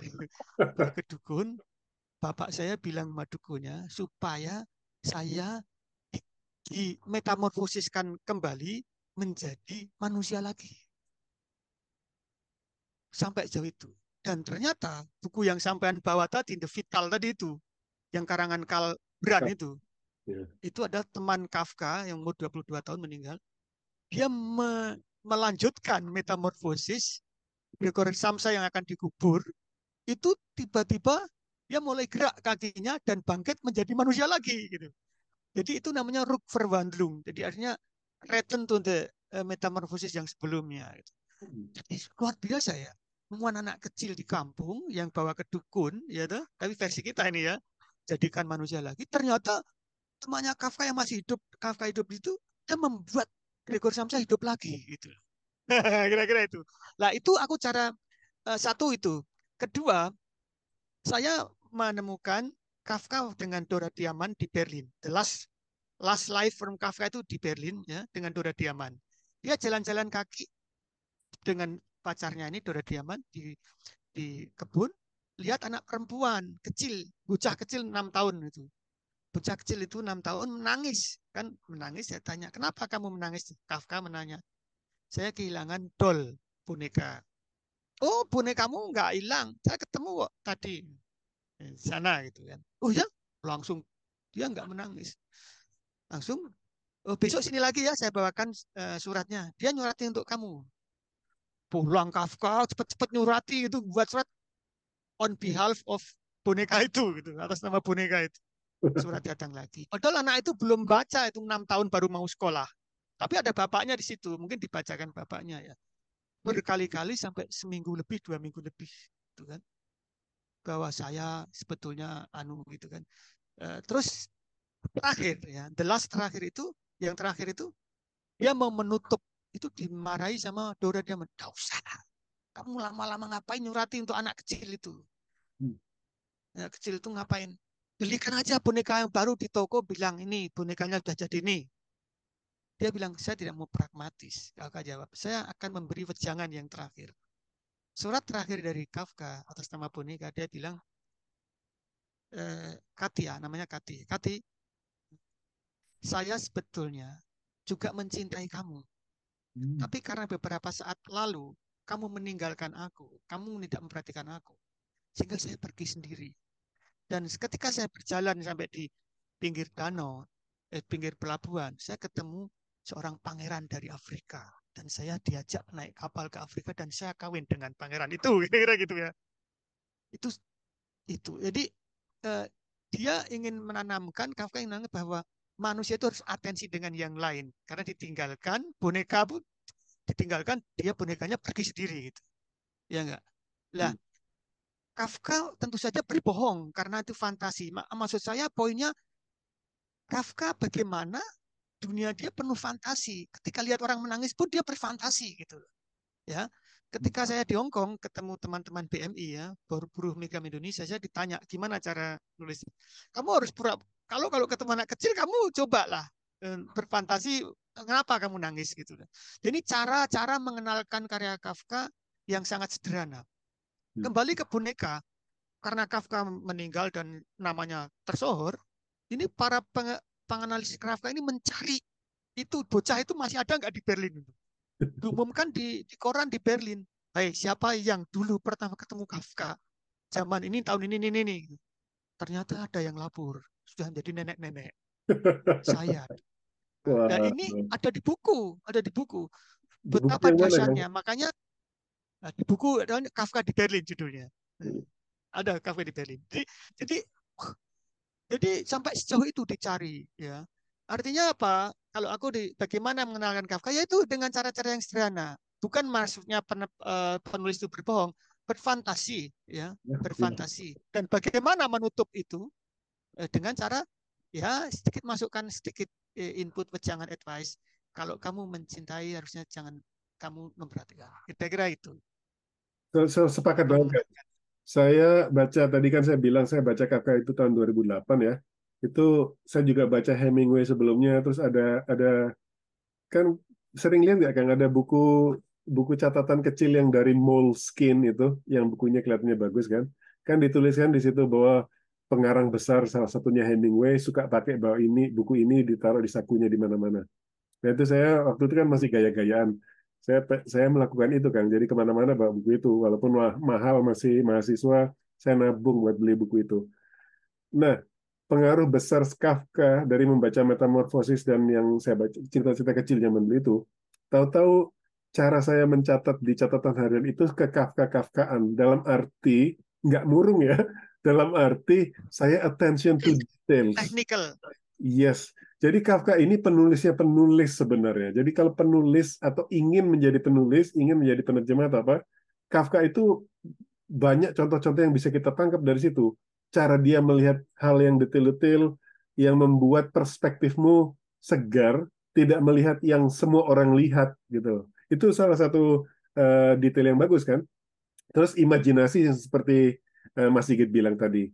Jadi saya ngelihat ada perubahan efek membaca Kafka itu dari catatan-catatan saya. Kalau yang saya lihat bahwa pertama, biasanya tiap hari kayak gitu, tapi saya melihat oh, apa ya yang membedakan hari ini dengan hari yang kemarin gitu loh.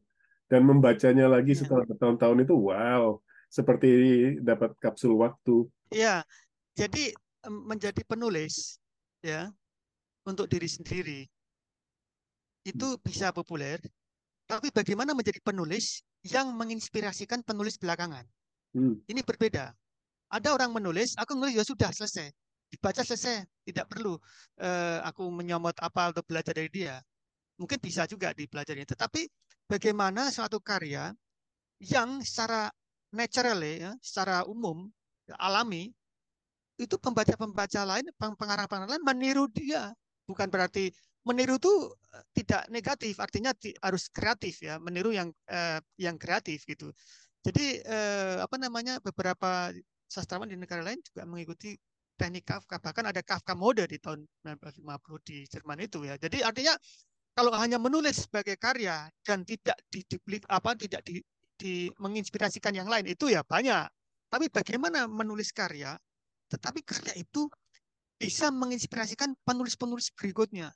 Ya enggak? Ya, itu, itu poin yang saya setuju banget bahwa imitasi itu adalah bentuk penghargaan tertinggi sebenarnya. Kalau kamu merasa oke okay, saya harus melakukan gaya itu karena itu gaya yang bagus dengan meng, kayak si Brand itu nama saya saya pakai untuk dengan gaya seperti itu itu apa namanya tribut penghargaan tertinggi sih dari uh, sebuah karya menurut ya. saya. Kang, udah udah jam lebih loh, Kang. Dua, dua jam lebih, aduh, silakan di saya anu ya. saya sangat berterima kasih ini menyenangkan sekali. Semoga akan menjadi eh, buku-buku uh, atau obrolan-obrolan selanjutnya. Dan untuk kalau saya ngasih kata terakhir bahwa kalau ingin tahu Kafka banyak bisa dimulai dengan mengunjungi atau mengikuti situsnya Mas Sigit Kafka Susanto di ah. Facebook atau di YouTube. Terutama ada yang yang Kang kirim ke saya itu kan yang uh, Kalbran YouTube ya.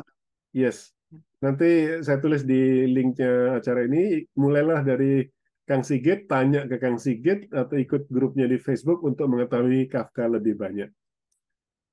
Terima kasih banyak, Kang. Sampai ketemu lagi. Sama-sama. Terima kasih juga, Mas Irwan. Sehat selalu dan sukses terus ya. Sama-sama, Kang.